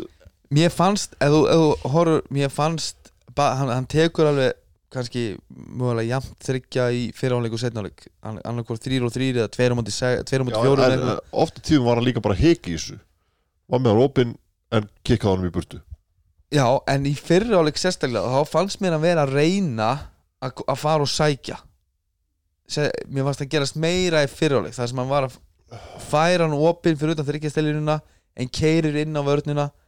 En eins og ég segi, mér finnst bara varnar taktík stjórnar, kannski hefði eh, það sem þú ert að tala um að Batnus geti gert betur í að, í að hoppa bara inn í kontaktinu og reyna að býða eftir að, að, hérna, að Raggi færi niður með hendurnar að myndi slá í hann og vera klöfskur en það sem mér fannst þeir, hann, mér fannst hann alltaf vera að reyna að dræfa inn og svo vera að reyna kannski að fara í kringum hann. Já, og það var mjög erfitt. Og, og alltaf þegar hann var að reyna að klára þá var þetta allt erfitt, þetta var svolítið svona sé- forsað og klunnaleg. Við höfum líka bara séð hvernig Batmús er hann getur alveg farið yfir hann. Hann, hann hoppar sko. hann hoppar svakalega. Já, en svo er það önnur spurning.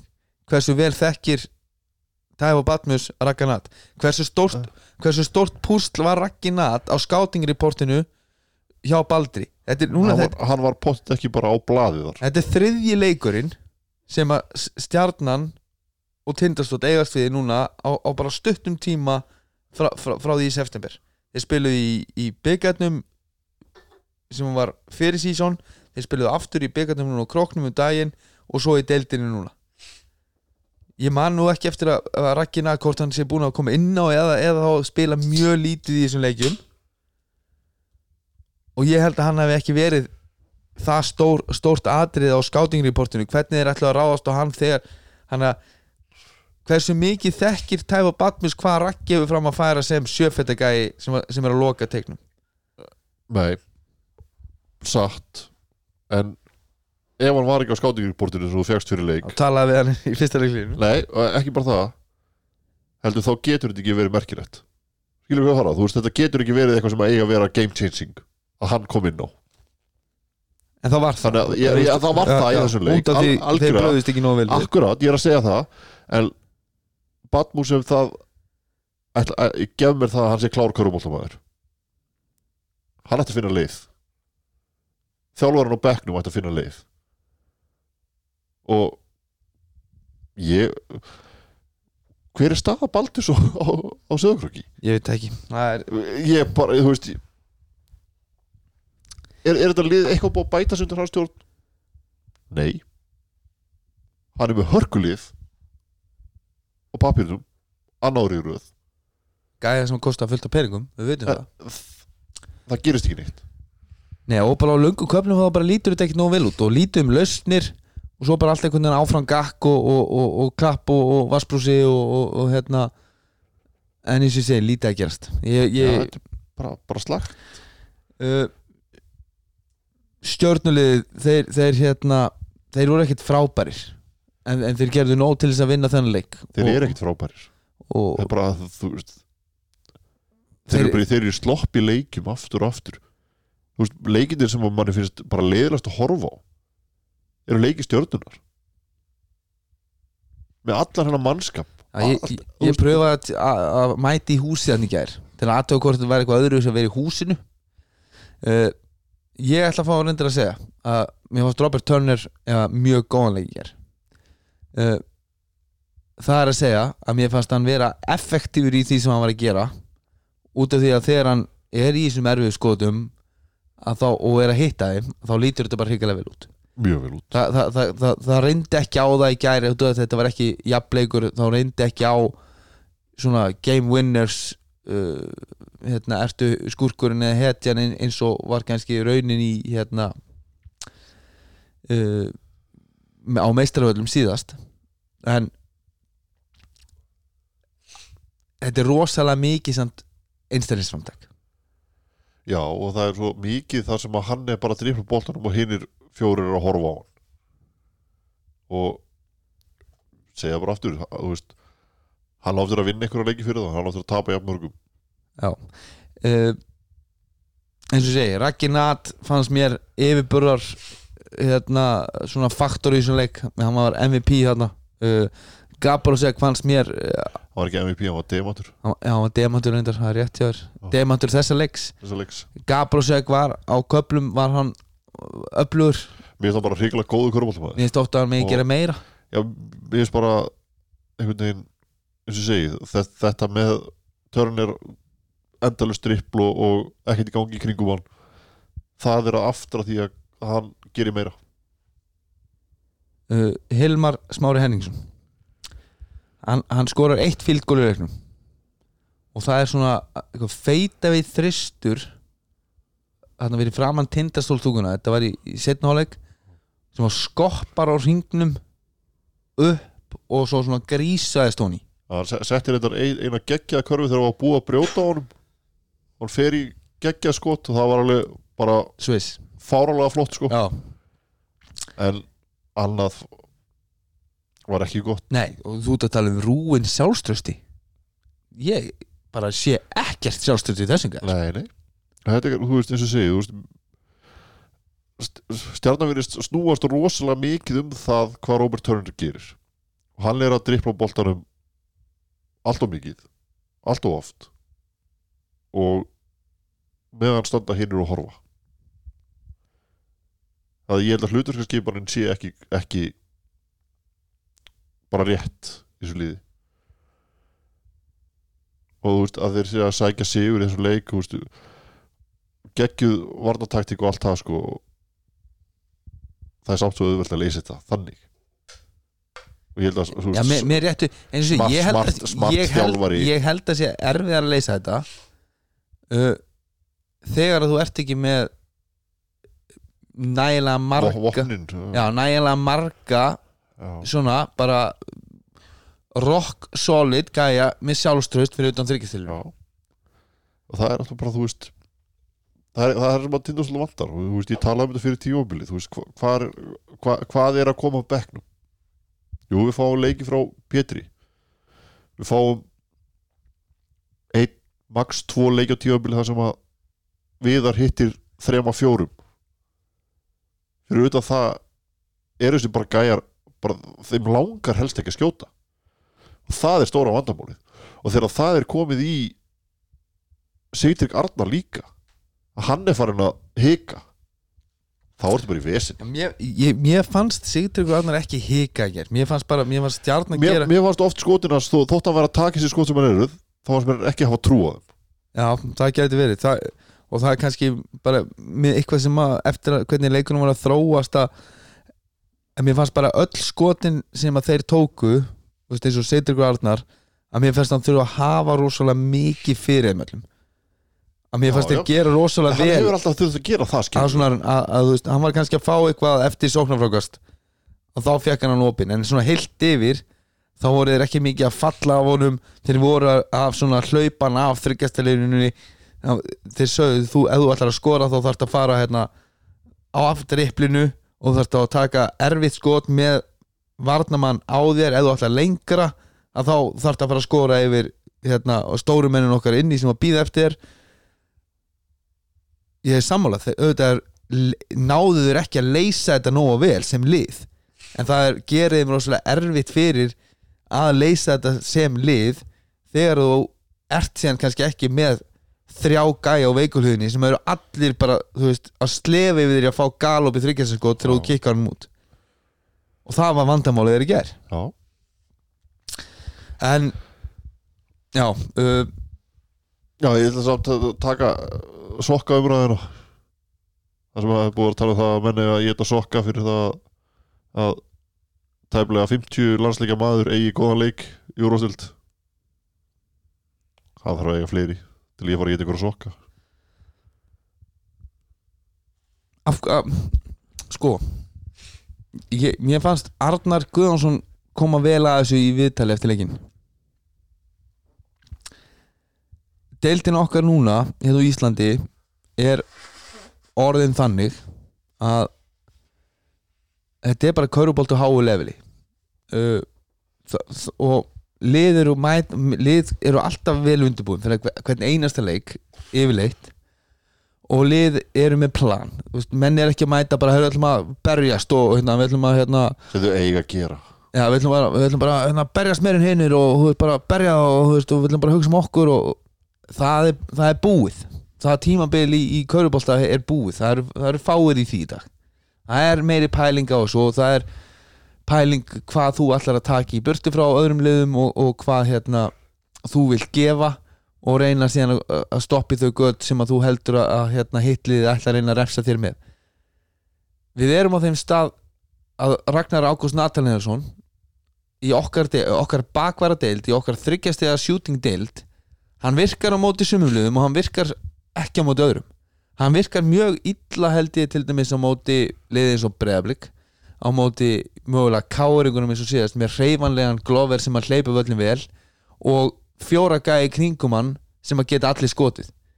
Og þegar þó, þó þú getur sagt að Raki Nat getur alveg dekkað suma þessu stóru en ef að þú ert með fjóra gæja sem að geta skotið með stórumanni að þá þarftu bara að spila eitt auðvelt pick and roll og þú ert búin að expósa svona hægari fimmu og, og það getur bara verið mjög mikið vandamál. Þannig að ég segi bara mjög skeggjað að þegar hann fekk hennar séns þegar þeir þurftu að nota hann aðeins meira heldur en þeir eru búin að vera að nota hann 0 mínútur í síðustufverð að þá fannst mér bara geggjað að rækki mætti og, og var virkilega góður og, og, og reið bakkamunun í þeirra sigri.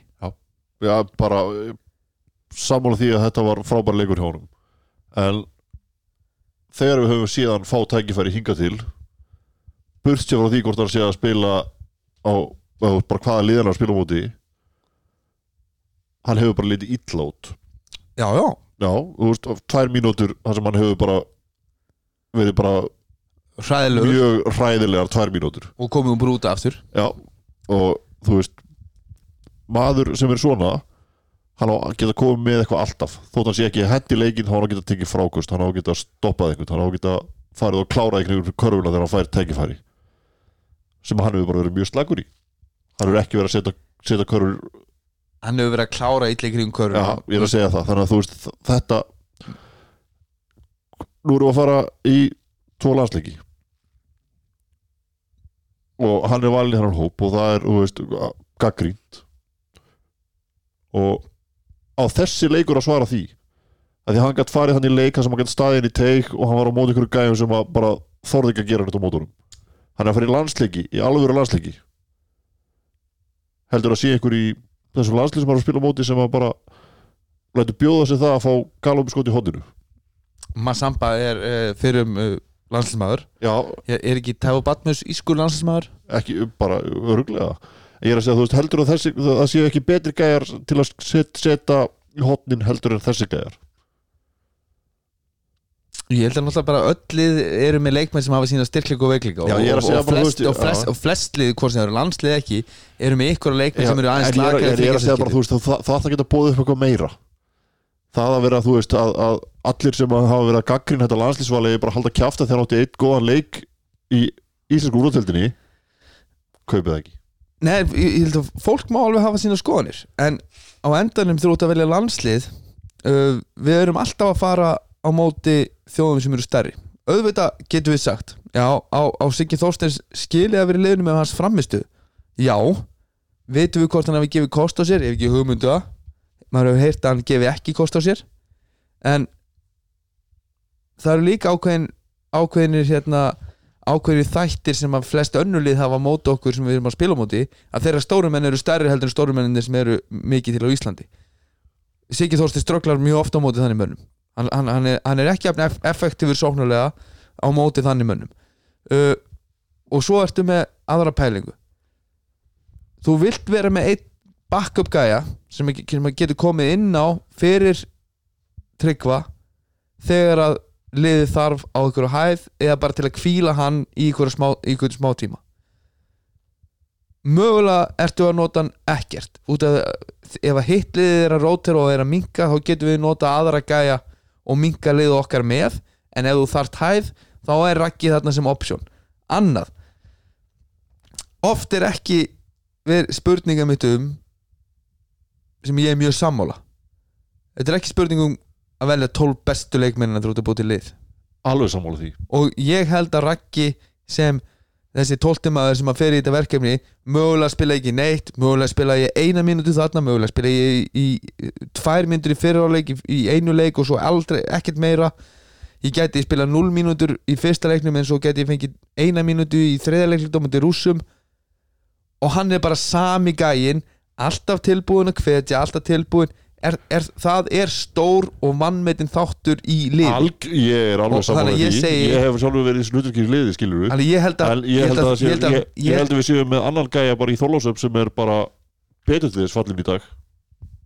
En hann gæti ekki verið bakkup fyrir Tryggva ef að Tryggva lendir í villumandröðum eða í þessi eina tvær mínútur ef við þurfum að kofera vörn á móti 2 og 12 ég hef ekki séð hann gera neitt verra heldur en, heldur en myndi, ég, ég hef séð hann reyna að dekka David og Keki hérna í keflagundaginn og Já. David og Keki þurfti bara Hvern, svona, hvernig heldur að Ragnar væri á móti David og Keki ég held að myndi örgulega djúft undir körfunni þá myndi hann kontesta skotinu meira heldur en David Arnar Ágússon gerði. Hversu fljótt heldur að væri komið með þrjárvillur? Já, er það ekki bara flott? Jú, Kom inn er á að að leysa við 2-3 mínútur, fá er þrjárvillur og berja eitthvað ég, mér finnst þetta bara, veist, bara, ekki réttlega það að hann sé valinn. Bara mér finnst hann bara ekki nógu góður í það bursti voru því hvað, er svo góður hann er á hangklæðinu Þannig þú vilt freka, hann freka velja betri gæja sem að vera fúll út af að hann fær ekki að spila? Nei, ég er að tala um mann sem að væri ekki fúll yfir því. En hvernig ætlar að láta hann deka? hann getur alveg barist þarna í eina, tvær mínútur. Alveg og Ragnar. Við höfum séð Ragnar í þessum landslíkum, hann er að ströggla. Já, ég held Feitt. fá, held þú fáir samt meira út úr honum ef þú ert að tala um 2-3 mínútur á móti einhverjum 2 og 10 dörg heldur en Davíð Arnar Davíð hann er ekki að dekka þessa gæði þessum Íslandi, hann er að dekka Nei, nei, ég bakverð veit hann er ekki að dekka þá Íslandi en ég held bara, þú veist að hann geti gert hjá mikið. Fyrir mér. Hann myndi allavega ekki taka frákasti sem að Raggi gæti mögulega gert. Er það? Já, ég sá hann frákasta mjög vel í ger Já, Já, ég, ég, ég, bara ég, eins og ég hef frá, þjálfa frábær leikur hjá honum í gær. Ég hef þjálfa Ragnar. En hversu marga hann er- lélega leiki hefur hann átt á undan? Já, marga. En ég held samt að í þetta hlutverk að þá er hann bara mjög solid option til þess að kvíla tryggva þegar að þarf, þess þarf að halda. Það Já, ég. já, bara ok. Ég er, ég, ég er alls ekki sammála. Bara, ha, Við þurfum að vera bara ósamála með það. Já, uh, En Við þurfum að fara í síðasta leikin Já, við þurfum að fara í síðasta leikin Það er blúhöllin, við erum alltaf lengi að þessu. Það er blúhöllin. Það var uh, föstudags veistla í blúhöllinni já fullt af fólki. fullt af fólki, hrigilega skemmtilegt mennafásur í, í nebban vist Já, það var eitthvað. Í, í eitthvað um beinni í sjónvarpinu. En uh, já það var alls bara uh, skemmtilegu leikur sem við fengum í, í blúhöllinni Halldór og, og þú ert ánægð með þína mennvantila það. uh, Ég er ánægð með sigurinn. Já. Tvö stið í hús. Já, sjö, nei 6-1 nei. 6-1, við erum búin að vinna fullt af körbóltaleikjum en ég er ekkit mér finnst þetta ekki sérstaklega gott. Þetta að fengum Milka svolítið tilbaka í kvöld. Þú meinar I'm back baby. Tölum það ef, kannski ef, eftir. viltu taka það núna? Nei, við skulum taka það eftir. Uh, Já, Milka allavega hann mætti og, og, gerði vel. Uh, En eins og segi við- Svona Föstudags primetime TV Þetta var ekki stútvöld hús eða neitt svoleiðis til að svona peppa mannskapin í gang en hérna Þetta var svolítið kaplaskiptuleikur og Já, kaflarnir voru bara ekki nógu stórir til að annar liði slítið sér frá. Nei, og eins og til dæmis þegar, þegar hérna, Hjalti tekur leikli hérna í fyriráleik uh, þetta kurtisa leikli uh, please leikli þið góða. Uh, krísufundur hjá bresku konungsfjölskyldinni Já.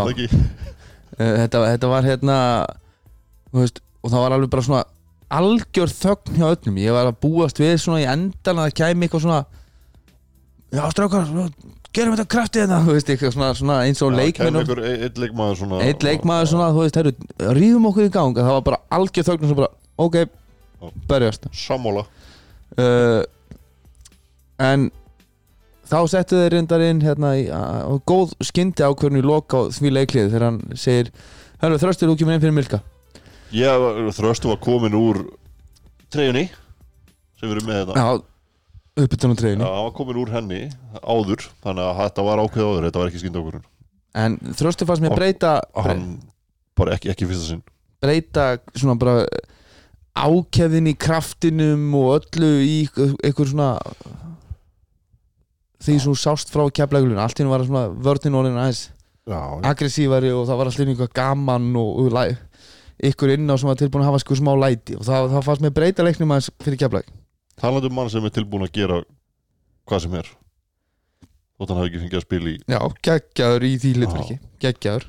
Algjörlega. Og eiginlega bara, þú veist, ómetanlegt að hafa, hafa svona Já, já, og bara uh, þegar hann kom tilbaka hann í fyrra þá einmitt sko var maður svo ánað með þetta út af því að það vantaði einhvern svona í leikmannahópin þá var náttúrulega voruð með Finn á bekknum sem aðstöðþálfara en leikmannahópurinn var leiðist mér að segja það, frekar döll skilur, þú veist, það er, það er, ekki, það er ekki mikið læti í þessum hóp sem er kannski ólíkt því sem við þekkjum úr Keflavík.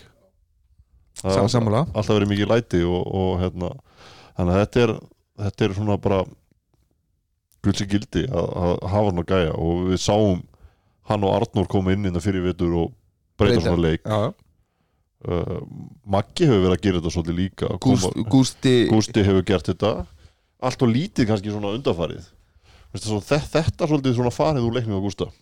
Mér finnst hann gera þetta í síðasta leik Þannig á heimavalli Já. á móti Þór Þólusson en, en þú veist svona heilt yfir yfir langan kapla þá er þetta ekki eins og þetta var þú veist hann, hann gætt komið inn og hann bara fór á landi menn og, fór svo að setti þristi grímuna á þeim og vantar meira þetta? Þessi leikur Mér, mér fannst hvort liðið spil grim- glimmerandi bolta. Það er svona heilt yfir. Veist, það, var alveg, það var alveg margt í þessum leik veist, mér finnst valur bara betri og lönguköflum bara, já, Já. Uh, Mér fannst varnarlega fannst mér samt svona eins og ég segi og kemur nú aftur mér finnst undirbúningurinn hjá liðunum vera, vera, vera að ganga betur upp varnarlega hvernig er ætla að reyna að stoppa heimlegin mér finnst kannski ekki jafn mikið hvað ætlum við að finna lausnir í, í, í því og kannski eru þjálfarnir bara klókir að koma með eitthvað sem að hinn er ekki von á, ég veit það ekki en, en svona varnarlega fannst mér liðin gera Já. vel og voru að þvinga í, þú tala um þetta þá, þú veist Keflæk breytti aðeins sóknarlega samt á móti þessu í setna hálfleik en það bara virkaði ekki það sem Mm. mm. voru að gera þau voru að koma að hössa í gegnum þetta sem sagt, í gegnum pikk og ról vinstra megin á hægri hendina á hössa. Og það bara, þú veist hann er bara ekki að spila vel. Hann er einhvern veginn ekki í ykkur svona hann skrúfi, hann setti hann á tvo þrista í setnáleik en svona fyrir utan það þá fannst mér hann ekki, ekki vera jafn mikill partur af leiknum eins og svo oft áður í, í nei. leikjaflagulisins Þegar, þegar hann setur hann fyrir þrist þá náttúrulega fer hann strax í næstu sókn og tekur einhver transition þrist sem er bara galinn bara af og frá skilur þú veist. Skynsam leikmar sem hann á bara að stoppa á þeim tímapunkti og fara bara inn í eitthvað sett en já, bara þetta var, þetta var svona skemmtilegu körfbóttilegur upp á taktíkina. Já, svona smá skák á milli Já. þjálfara og smá breytingar og adjustment og, og svo fóru keflinginni að skipta öllu og Kristó er, er, er að fá rosalega fannst mér oft mjög góðar línur á fe- og fléttan hérna þegar, þegar þeir fara í handoff og svo inn í skrínið og, og, og hann fara alveg uppið. Þetta er eitthvað sem að veist, ég, ég, ég sá þá bara fyrir mig vera að hlaupa þetta 5 og 0 og þetta endaði alveg eins. Að, að því við vorum að horfa hérna á viðtal við viðar á þann að hann talar um körfbóttiklám já, þannig ertu með það þetta er körubóltaklámið sem, sem að við var, var, var að tala um. En uh, sko ég, veit, ég veit ekki einhvern veginn þá, mér fannst leikurinn kannski, Veistu meira um þessi liða þennan leik heldur en þú vissir fyrir? Nei, mér fannst einhvern veginn aldrei ná okkur svona geggjuðu flugi. Uh, þetta var alltaf svona, þú veist, í, í leik. Keflingandi komið svo tíustum yfir hann í setnáleik og ég var samt alveg viss um að kemi, kemi áhlaup frá, frá val og svo sk- koma þeir hérna út úr leiklið með 10-0 run. Og svo endar þetta náttúrulega að vera bara possession leikur. Mér fannst starffræðingurinn Benedikt Blöndal hann, hann, mér fannst hann koma skemmtilegin í hennar leik. Á, á vinstin höndinni og hérna var, var, var að berast vel varnarlega. Mér fannst hann akkurat Mér fannst hann svolítið hikan í restina. Hann var að fá fín lúk. Það var búin að vera að setja hann Já, ég sérstaklega einu sinni þá fær hann að eiginlega alveg gal opinnan eftir sóknarfrókast og gefur hann í staðan fyrir að, þú veist Kári Jóns endaði reyndar að fá hann þar og setja hann, og hann tók eiginlega erfiðara skot heldur en benn sem var með. Þarna varstu með svona leikmannin sem er kannski ekki uh, option 1, 2 og 3 að reyna að vera skinsamur en ég veit, eins og ég segi ég, ég, ég, ég veit ekkert mikið meir um þessi lið eftir hennar leik Þetta eru bara tvö góð körubóltalið eru- Og eins og segja, mér valur betri megni á leiknum. En keflaði kemur út með sigurinn. Já, það er eitt með, með vörnina sem að, valsarni voru náttúrulega að droppa svolítið svolítið, bara rosalega djúft af milkat og loka miðjunni loka leiðurum í að hringnum á pekarólinu. Voru svolítið að hérna uh, líma sig á skittunar kemur svolítið niðræðum hérna til dæmis í risastórum þrist sem að Jaka Brotnik setur að, að þá, þá, þá dregst eða fæ- færir uh, hérna Lawsons ekki jafn nógum vel með Jaka þarna í fjarkastöðinni og treysta svolítið hjálpinni út af því að þeir voru búin að draga sig út tveir þegar, þegar Hörður Axel kemur yfir vítalinu og það eru opna á svona þessa sendingamöguleika. Ég held að Þarna hafur séð svolítið styrkleika jaka í fjarkanum versus þristinum. Klárt, klárt mál. Og eins og ég segi, hann er góður í fjarkanum. Ég held að hann geta alveg líka við þú veist, nýst kefla í þrist. Já, ég held að þú veist ég- fór um að hugsa þetta svolítið og ég held að hann geti nýst Keflavík betur í þristinum heldur en hann gerði fyrir tindastól. Já, akkurat. Út af bara hvernig þeir spila. En mér fannst Valur Valsson gera rosalega vel þegar þeir voru að koma að setja til dæmis skrín fyrir hann hann setur eitt flottan þrist í setnáleik þar sem þú sér svo þegar þú ert með bakvör sem er, er, er, er, klókun eins og, eins og Valur að nota skrínið en þarna varstu með bakvör sem er tölvöld betri skitta af driplinu heldur en hörður og leitar meira af því að þarna var hann gata nýtt sér það til þess að búa til galopi þryggjastaskot að þeir voru að droppa svona langt niður af, af Milka það Milka kemur að setja skrín og Valur tekur sér svo góðan tíma í að fara af skríninu sem að þvingar eiginlega Bertóni til þess að fara undir og þá ertu bara komið með 2 og 1 nú það Milka er svo stór og náða að, að rúlla aðeins til þess að lengja leiðina Já. og, og þá var bara nógu tími fyrir Val til þess að hérna, svona tjakka sig upp í, í, í, í skotið sitt og, og, og, og setja nóni þarna varstu með ég hef viljað sjá meira af þessu á skotmennina. Mér finnst bara Keflavík búið að fungera bara betur með val í leiksáðstöðinu heldur en hörð þar sem aðverð tímabili. Við það að hörður er meittur og er að Já, á móti þessari vörn að- vera með sterkari skotmann af dripplinu já, að hlaupa pikkur róli þegar þeir eru að þú veist, þeir skilja bara milka eftir í, í skrýningum. Að þá, þú ert með tveir og eitt situation þar sem, að vals, sem var bara plan valsarinn og hvernig ætlar hann að nýta það og mér fannst til dæmis Valur gera hrikalega vel þarna. Hann býður bara og fær kontaktin, hann fær milka á Bertóni og Bertóni þarf að taka svolítið ákvörun endar á að, að færa sig undir og þá fer hann á stað og þarna var hann búin að búa til þetta pláss sem hann þurfti til þess að búa til galopi þryggjastaskot og hann tekur þau góðu þryggjastaskot í svona góðu liði þá er Valur Valsson svo einhvern veginn frábær uh, leikmaður. Út af því að hann, hann er ekkert að forsa henni hann tekur bara þau góðu skot sem hann fær og, og er bara rosalega effektífur finnst mér inn í þessu kjaplækulu og er Algjörlega. hrikalega mikilvægur. Já, já, já. Uh, Það var kristallið í úsleikefni í fyrra hversu mikilvægur hann er. Það var eitt hérna atvik sem að er kannski svona stærsta atviki eftir leikin þannig. Auðvitað endar þetta í þessari flautukörfu eins og allir vita. Uh, og illa executað loka play hjá, hjá Val þar sem að Kári fer jú inn í ykkur kontakt en, en, en hérna er svolítið þröngt og hann er aldrei að fóta dæmt á þessu tíum ekki á þessum tímapunkti. svona. Og, og, og eiginlega ef hann hefði bara stoppað þá hefði Bertóni verið með sem sagt alveg, alveg galopið kött fyrir aftan út af því að Valur Bertóri var- var búin að kötta og hann var með hann. Hann var með boltan á vinstri hendin þetta var svo fullkomið engól einhvern veginn á sendinguna. Hann er á hæri, hann er fó- fótið hæri var hann ekki með hann á vinstri þetta fyrst þegar, þegar, þegar, þegar, hann er að kötta? Ég veit ekki, ég er bara út að hann er að dræfa hann til hæri já, mér fannst þetta svo að því að Bertóri fer snemma á stað sko. já, en eins og ég segi illa executa loka play sem að verður síðan svolítið bara heppni að kepla ekki að tippa honum í með 0,2 sekundur og, og hérna það fór gullfalleg lokakarfa. Gullfalli lokakarfa og, og ég ætla bara að leifa að kommenta á strax núna. Hvað, hva, hérna, I'm back baby. Hvað hva, ég fekk bara flashback í sófanum heima. Frá 3, 2 já. Það, ég fekk flashback í það og ég hugsaði bara spilaði bara fucking legin í staði fyrir að vera að tala í myndafellunar oft er það bara betra.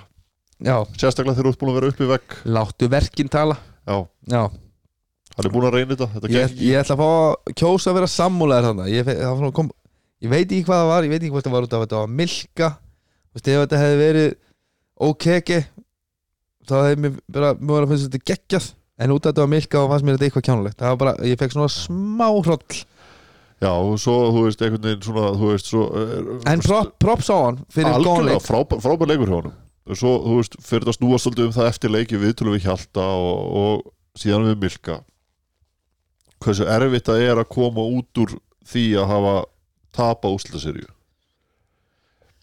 mér finnst ég hafa heyrt það sama um gæja sem vinna úslitaserju að það sé erfitt að koma sér í gang aftur. Ég myndi halda að fyrir Milka sem er búin að vera bestur á Íslandi í tvö ár er svo jarðaður úslitaserju og ekki búin að vinna neitt. Ekki búin að vinna neitt, hann ætti að koma bara tilbaka í landstíðanbíl í kill mode já, akkurat. Já. ég veit ekki alveg hvað er svona erfitt að þú veist, ég myndi halda að vera auðveldar að mótivera sig fyrir það heldur en að vera búin að vinna. Það fer, eðst, já, ne Er- er- nema þú sett búin að vinna í huganum og þú farir svona alveg ógeðslega langt niður eftir devastating loss. Ef við getum orðað þannig. Já, en var þetta þannig á ég, var þetta ekki bara að tapa frá fyrsta leik ég bara held að Keflæk hafi verið búið að vinna seríuna þegar serían byrjaði sko. já, en svo voruð þið beisli múið tapinni í já, en ég, ég held bara að þeir hafi mitt verið komið það langt fram úr sér já, fyrir þessa lokaseríu að, þetta hafi verið svolítið mikið högg í, í grillið. En alveg, þú veist, já, bara en, þú veist, þá er mitt bara beintin í afvíkarsal aftur. já. Hagnaðaregla í Körubólta, strákar.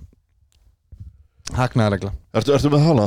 uh, Nei, þetta er náttúrulega bara rosalega mm, Þetta er rosalega mikið Þetta er rosalega mikið notað í, í þessum nútíma körubólta sem við erum að horfa á. Að það eru augljósar villur, augljósir kontaktar sérst, og þetta, gerist náttúrulega sérstaklega mikið út á vellinum.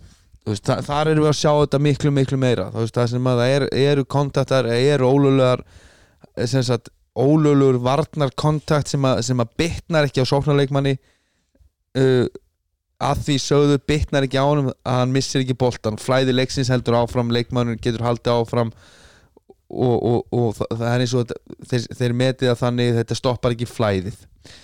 Uh, við höfum nú rætt þetta hér áður á endalínunni og, og, og sérstaklega hef ég til dæmis komið inn á að uh, þegar ég var að þjálfa í, í fyrstel kvenna og er að fá þessi svör þetta, hérna, þú veist, en hún heldur boltan já, en staðan er 50-50 og, og hérna það eru tvær myndir eftir að leiknum. Við erum búin að skora 50 stig og við erum þegar við förum í halfkort sókn að þá væri bara meiri líkur að við klikkum heldur en við skorum. Og við erum þarna komin í bónus af hverju fæ ég ekki þessa augljósu vill og ég fæ alltaf tvö skot og er, þar er ég svona 75% þarna finnst mér svona ma, eitthvað, eitthvað matdómara koma niður á leiknum. Það Kári fer, fær, fær skiptingu fær mismats góður boltabakur með milka á sér, hann ræðst á hann Milka brýtur hann. Það, ég, ég ætla bara að fá að segja það eru allir sem að sáu þetta atvik allir sammóla hvort þeir eru keflingar, valsarar. Nei, vera ósámála uh, Ég er það ekki. þeir sem eru hérna bara körubolt aðdandur og voru hérna ekki hlutræðir í kvöld, það eru allir sammóla þetta var villa Kári kemst fram úr þessum kontakt samt. En hann er að hæja honum koma honum kannski smá úr ójafvægi út af að hann slæraði síðan og þetta er að, í- að mínum að kemur honum ekkert í neina betri stöðu til að taka þá ákvörun þegar, þegar hann kemst eitt dripli viðbót inn í miðuna þá var hann ekki í jafn góðu jafnvægi og fyrir þennan kontakt sem verður til þess að hann tapa boltan hvað gerist, boltin fyrir í- upp í loft Milka Sem braut. s- s- sem braut, sækir lausan bolta það kemur kontakt, hann dettur eitthvað aðeins til, dutt villa, tvö skot hinum minn þetta er fjagra vítaskot að sveifla á likil tímapunkt í leiknum. Já, Hva, hvað finnst þér um þessa hvað finnst eins og þarna erum við ekki komnir eitthvað of langt með þetta þarna? Bara Mér, mér finnst einhvern veginn hagnaðaregla í korfbólta þegar ert komin upp að þryggjasta línu bara ekki geta átt við. Þegar þú ert farin að stoppa eins og segir þú ert farin að hæja á leikmálum þar skiptir bara hvert skref máli. Já. þetta er ekki eins og við fótbolta sem er brotit á miður velli og bolti fettir hliðar og einhver annan nærólum og þú veist, það er komið. Þannig ertu bara með þetta play það er komið inn fyrir þennan tím þú veist, þenn- þennan ramma. Það er þröngt svæði þú ert ekki að fara að geta gert neitt. Fyrsta tempóið er allt. Ef þú kemst rækja manninu þar þá ertu um opið layup. Ef það er aðeins hægt á þér þá ertu bara komin í vandræði. Að þetta á ekki við. og lítil snerti sem að til dæmis það, það breytir handarhefingu kára þegar hann er já, já, það er alltaf fæ bara hendi í brjóstið og já, eins og ég segi, er- mér, mér finnst þetta mjög förðulegt uh, út af það svo eftir eins og ég segi, það er hagnaðaregla sem er svona, þú veist, við höfum þek, þekkjum hann úr þú, þetta eru bara svo tveir ólíki leikir. En það er samt ertu komið með það í fótboltan sem var kannski ekki alveg á- áður fyrr. En það er eftir mig núna þú veist, þú sér að dómar að nýta þetta mjög vel. Það sem þeir beita hagnaði kannski í þrjár, fjóra sekundur. Og svo sjá þeir, heyrðu, þú, nei- getur, þú getur ekki gert það í körfbólta það er mjög erfitt í körfu en Já. þarna samt herru, þetta er vill að ég ætla að sleppa herru, turner tutt auðvitað hefur þetta litið illa út og allir hefur verið brjálar okkur þetta flauta svona seint? En er það mögulega eitthvað sem að ef, ef, ef að þetta er, segjum að dómarinn komið svo og segi, er það er bara reglan ég á að láta þetta fljóta þarna út af því að hann, hann næra að halda áfram. Eða var þetta bara mist call? Hvað heldur þú? mist kól bara, ekki hagnaðregla ég held ekki.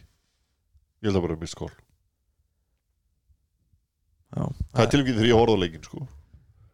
Já, mín tilfinning er, er þetta að hann hafi verið að beita hann þú veist, continuation flow á, á, á, á, en þá, þú veist, þá verðum við að setja inn einhverja reglum með það að þetta fara tilbaka þá bara stoppa það, er ótrúlega erfitt þegar það er komið bara annað, bara momentum í leikin Já, en eins og segi en þetta þarna á þessum tíum punkti ákvarð þetta play, þetta hefur að mínum bara- mati þetta, þetta leikurinn. Þetta, þetta hefur áhrif á það, fyrir mér er þetta bara leikurinn. Já, og það setja kára á línuna þarna tvö örgstig versus það að Milka fyrir yfir og setja tvö? Ég held að hann hafi reynda bara sett eitt. Já, set, já hann en, en, þetta bara en, annað en, alveg en á endan vinnu keflag með einu stíð já. Uh, Já, þetta er, er frólætt uh, Keflag Íslamistrar, hvað segirðu? Nei, ekki í dag. Ekki svo stænir í dag? Nei. Nei. Uh, Eitthvað sem þú vilt segja meira um en leik? Eitthvað, eitthvað atriði Nei, veist, þetta, þetta var stóra atrið í leiknum. Það fór í með því ég var búin að sittast niður og, og poppa og öll fjölskyldan satt saman og horfði sófanum og hor- og horfa á leikin og það var komið stopp eftir 20 sekundur uh, Já, þú veist, það kom stopp út af því að það var mögulegt u og ég hugsaði þess bara, þú veist dæmdu bara vill. Já.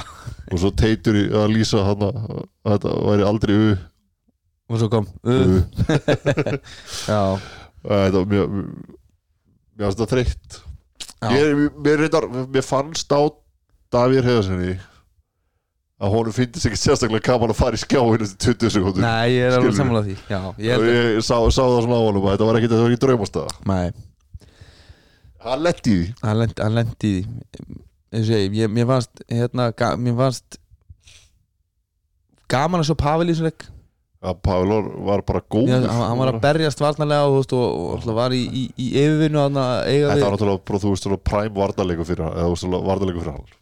Já, já, þetta er hann, í- hann í svona S-inu sínu Já, að fá, já. fá, fá að gera þetta.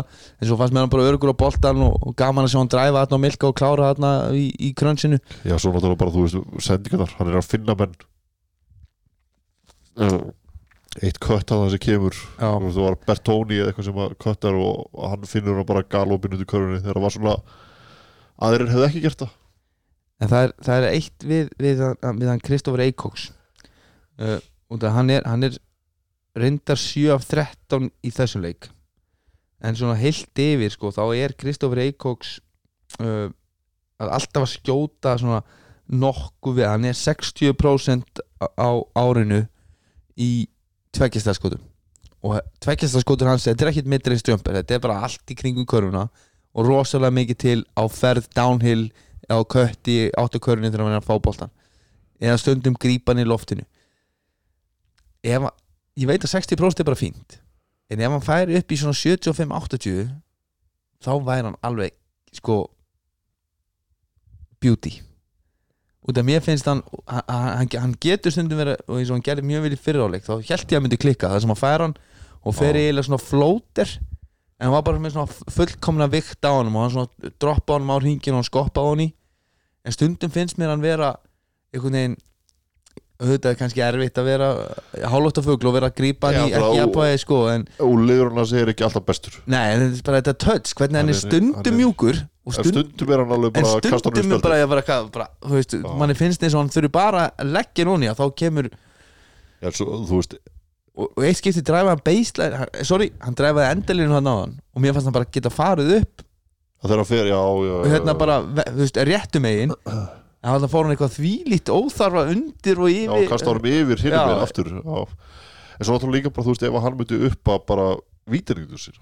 Já, hann, það er, það er krúsjál. Það er eitthvað sem er auðvelt að bæta. Það, það væri ljómati það var ljómandi. Uh, herðum, við erum náttúrulega búin að vera hérna allt of lengi eins og, eins og vanalega. Sérstaklega þegar, ég fæ að vera hérna á takkaborinu og stjórna Já. umræðinu þá, þá, þá, þá tölum við allt of mikið en uh, við ætlum samt að fá að heiðra fjárveru Gunnars. Það er svo taktíski og, og svo stóri. Er það ekki, er það ekki? já, ég tek það. Uh, Það er fróðlisótnið í bóði Kev Restaurant. Kef Restaurant. Já, það, við, við erum að fara að vinna með þetta sko. Þetta er, það ekki? Jú, það er rattað og alvöru. Uh, autotjón okkur í drastl og eitthvað. Já, við, við þurfum að vinna með þetta. Uh, Fróðlisótnið í bóði Kev Restaurant að þessu sinni, það er uh, skemmtilegt. Uh, En það var, einmitt, ég var mjög ánægð með eitt valsmannin í kvöld sem, að, sem að kom og, og spilaði eh, fleiri mínútur en vanulega hann, hann notaði Pythagorasin í, í, í sinni varnar færslum. Þetta var alltaf 4,14 allt uh, bara úthugsað og, og reiknað. 3,14, 15, 9, 2, 6, 5, 4 að ég held. Uh, Benedikt Blöndal. Þetta er þýlingur öðlingur. Blöndalín Já, Bensi Blöndal, Bensi Blö.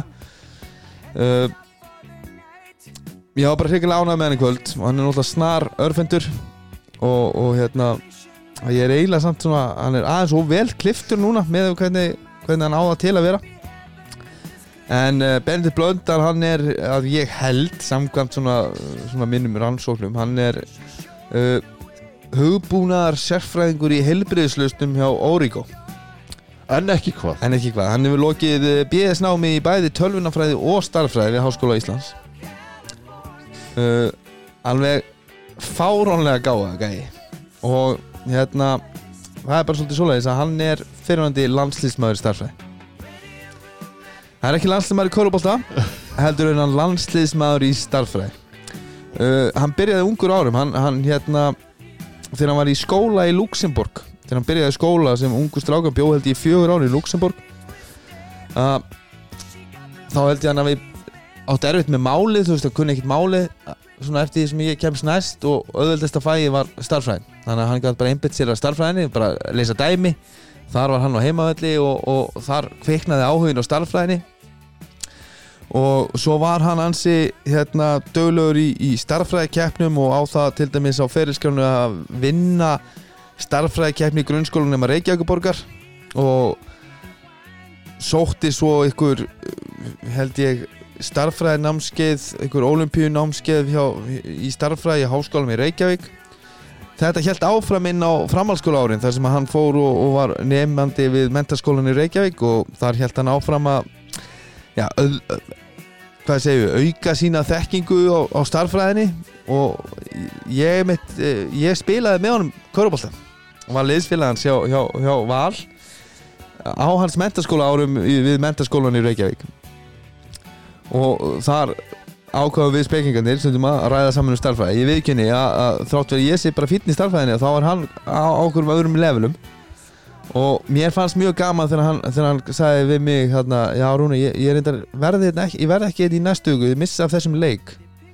Nú, hvað, okkur já, ég er að fara hérna í landsleisverð hvað, landsleis, hvað landsleikir er núna?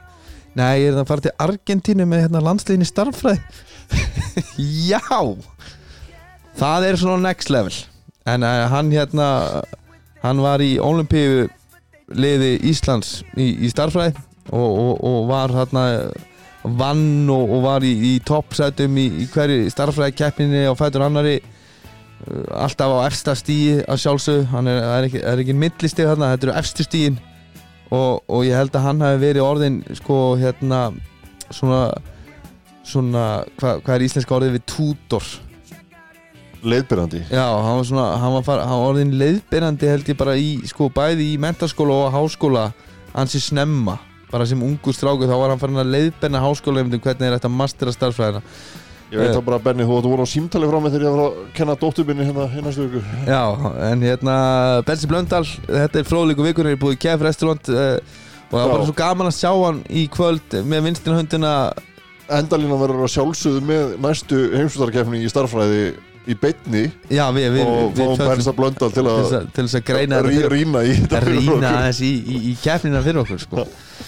en Benedikt Blöndal því líkur, líkur meistari sem að það er en uh, Það er líka svo gaman bara, þú veist, að svona gæjum sem að koma bara inn á veist, og ég spilaði ofta á móti í Bensa, sko Og það var alltaf jafn leiðilegt Því að þú veist, er svona gæji sem kemur hann á völlin Og bara berst ógeðslega mikið Og svo, þú veist, setur hann óvart olbúan í því Og þú snýrði við alveg brjálaður Og hann er bara eins og hann hafi, þú veist, að, að, hún vissi ekki einu sinni af þessu. Og það var því að hann var bara fullu. Ja, hann var að fullu, hann var að Já, berjast. já, og það er, það er óþrótt að spila um svona gæjum.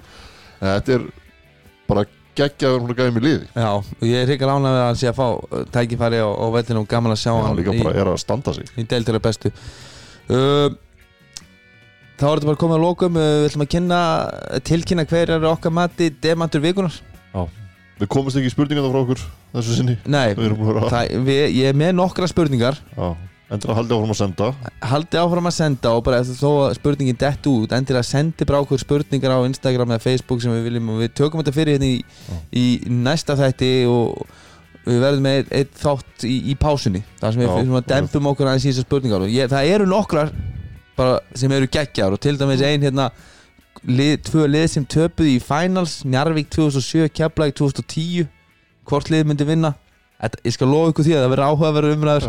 Uh, við skulum ekki byrja á því stríðsvæði núna en uh, uh, demantu vikunar Haldur, það er Amalis, Amalis Grák Amali strákurinn já, já, Julio de Assis se- sendum þetta raklitt rakleitt á vestfyrirna Já. og, og bara á það skili var frábær uh, og, og hérna var hrigalega í stórum mikilvæg sigri. í, í frábærum sigri sína manna og heimavalli og eitt, eitt sem var kannski ídur og auðvitað voru fleiri frábæra framistöður en það sem að ítir de Assis yfir línuna er að hann var í geggjuðu viðtali eftir leikin stórkostlu og bara, bara, ég mér langar að vita hver var að taka viðtalið út af því að hann uh, you have a birthday and, and you have a good game. Uh, are you happy on your birthday to have a good game? Þetta er frænda skulla Þetta er, sko, ég, það var svo mikið gulla GameCube vibe í þessu viðtali að ég spilaði það urla tvis á þrísvar í dag og, og það ítt honum svona yfir, yfir strikið og hann fær demant vikunar í bóði Diamond Sweets. Einar sem skiptir máli fyrir okkur eru viðtölin. Viðtölin eru, eru leikilæðri eins og kannski hlustendur hafa tekið eftir að þá verum við svolítið mikið að vitna í viðtölin. Og, og hérna og hérna, og hérna síðasti þáttur hér og hérna It's Turbo Time. Ég held að uh, Tóti Turbo, ég held ég að við talið ég held að hann hefði sagt uh, 16 sinnum. Og hérna í viðtælinu sínu og stöðtöð sport eftir leikin Já, hérna, og hérna, og hérna við erum bara að, bara að gera vel og hérna, þetta var bara frábært að segra og hérna við erum undirmannaðir og Þeir hérna segja það náttúrulega mikið í Nebraska. Já, þetta er svolítið svona Nebraska. Já, en um, endalínan uh, þakka fyrir sig á þessu förstaskvöldi White Fox sjöunda umförun er, er, er búinn. Að sjálfsögðu við þökkum samstagstaflunum okkar fyrir að vera með okkur í baróttunni White Fox, uh, Sintamani Viking Light Lettbjór. Og um, Keflavík, yeah, sorry, Kef Restaurant og Diamond Sweets. Og endilega farið á, á, á Diamond Lounge og byggðum endalinu kóttilinn og, og hérna gerir allt villust oh, en við endum þetta á vanlegum nótum haldur I love this game. Love this game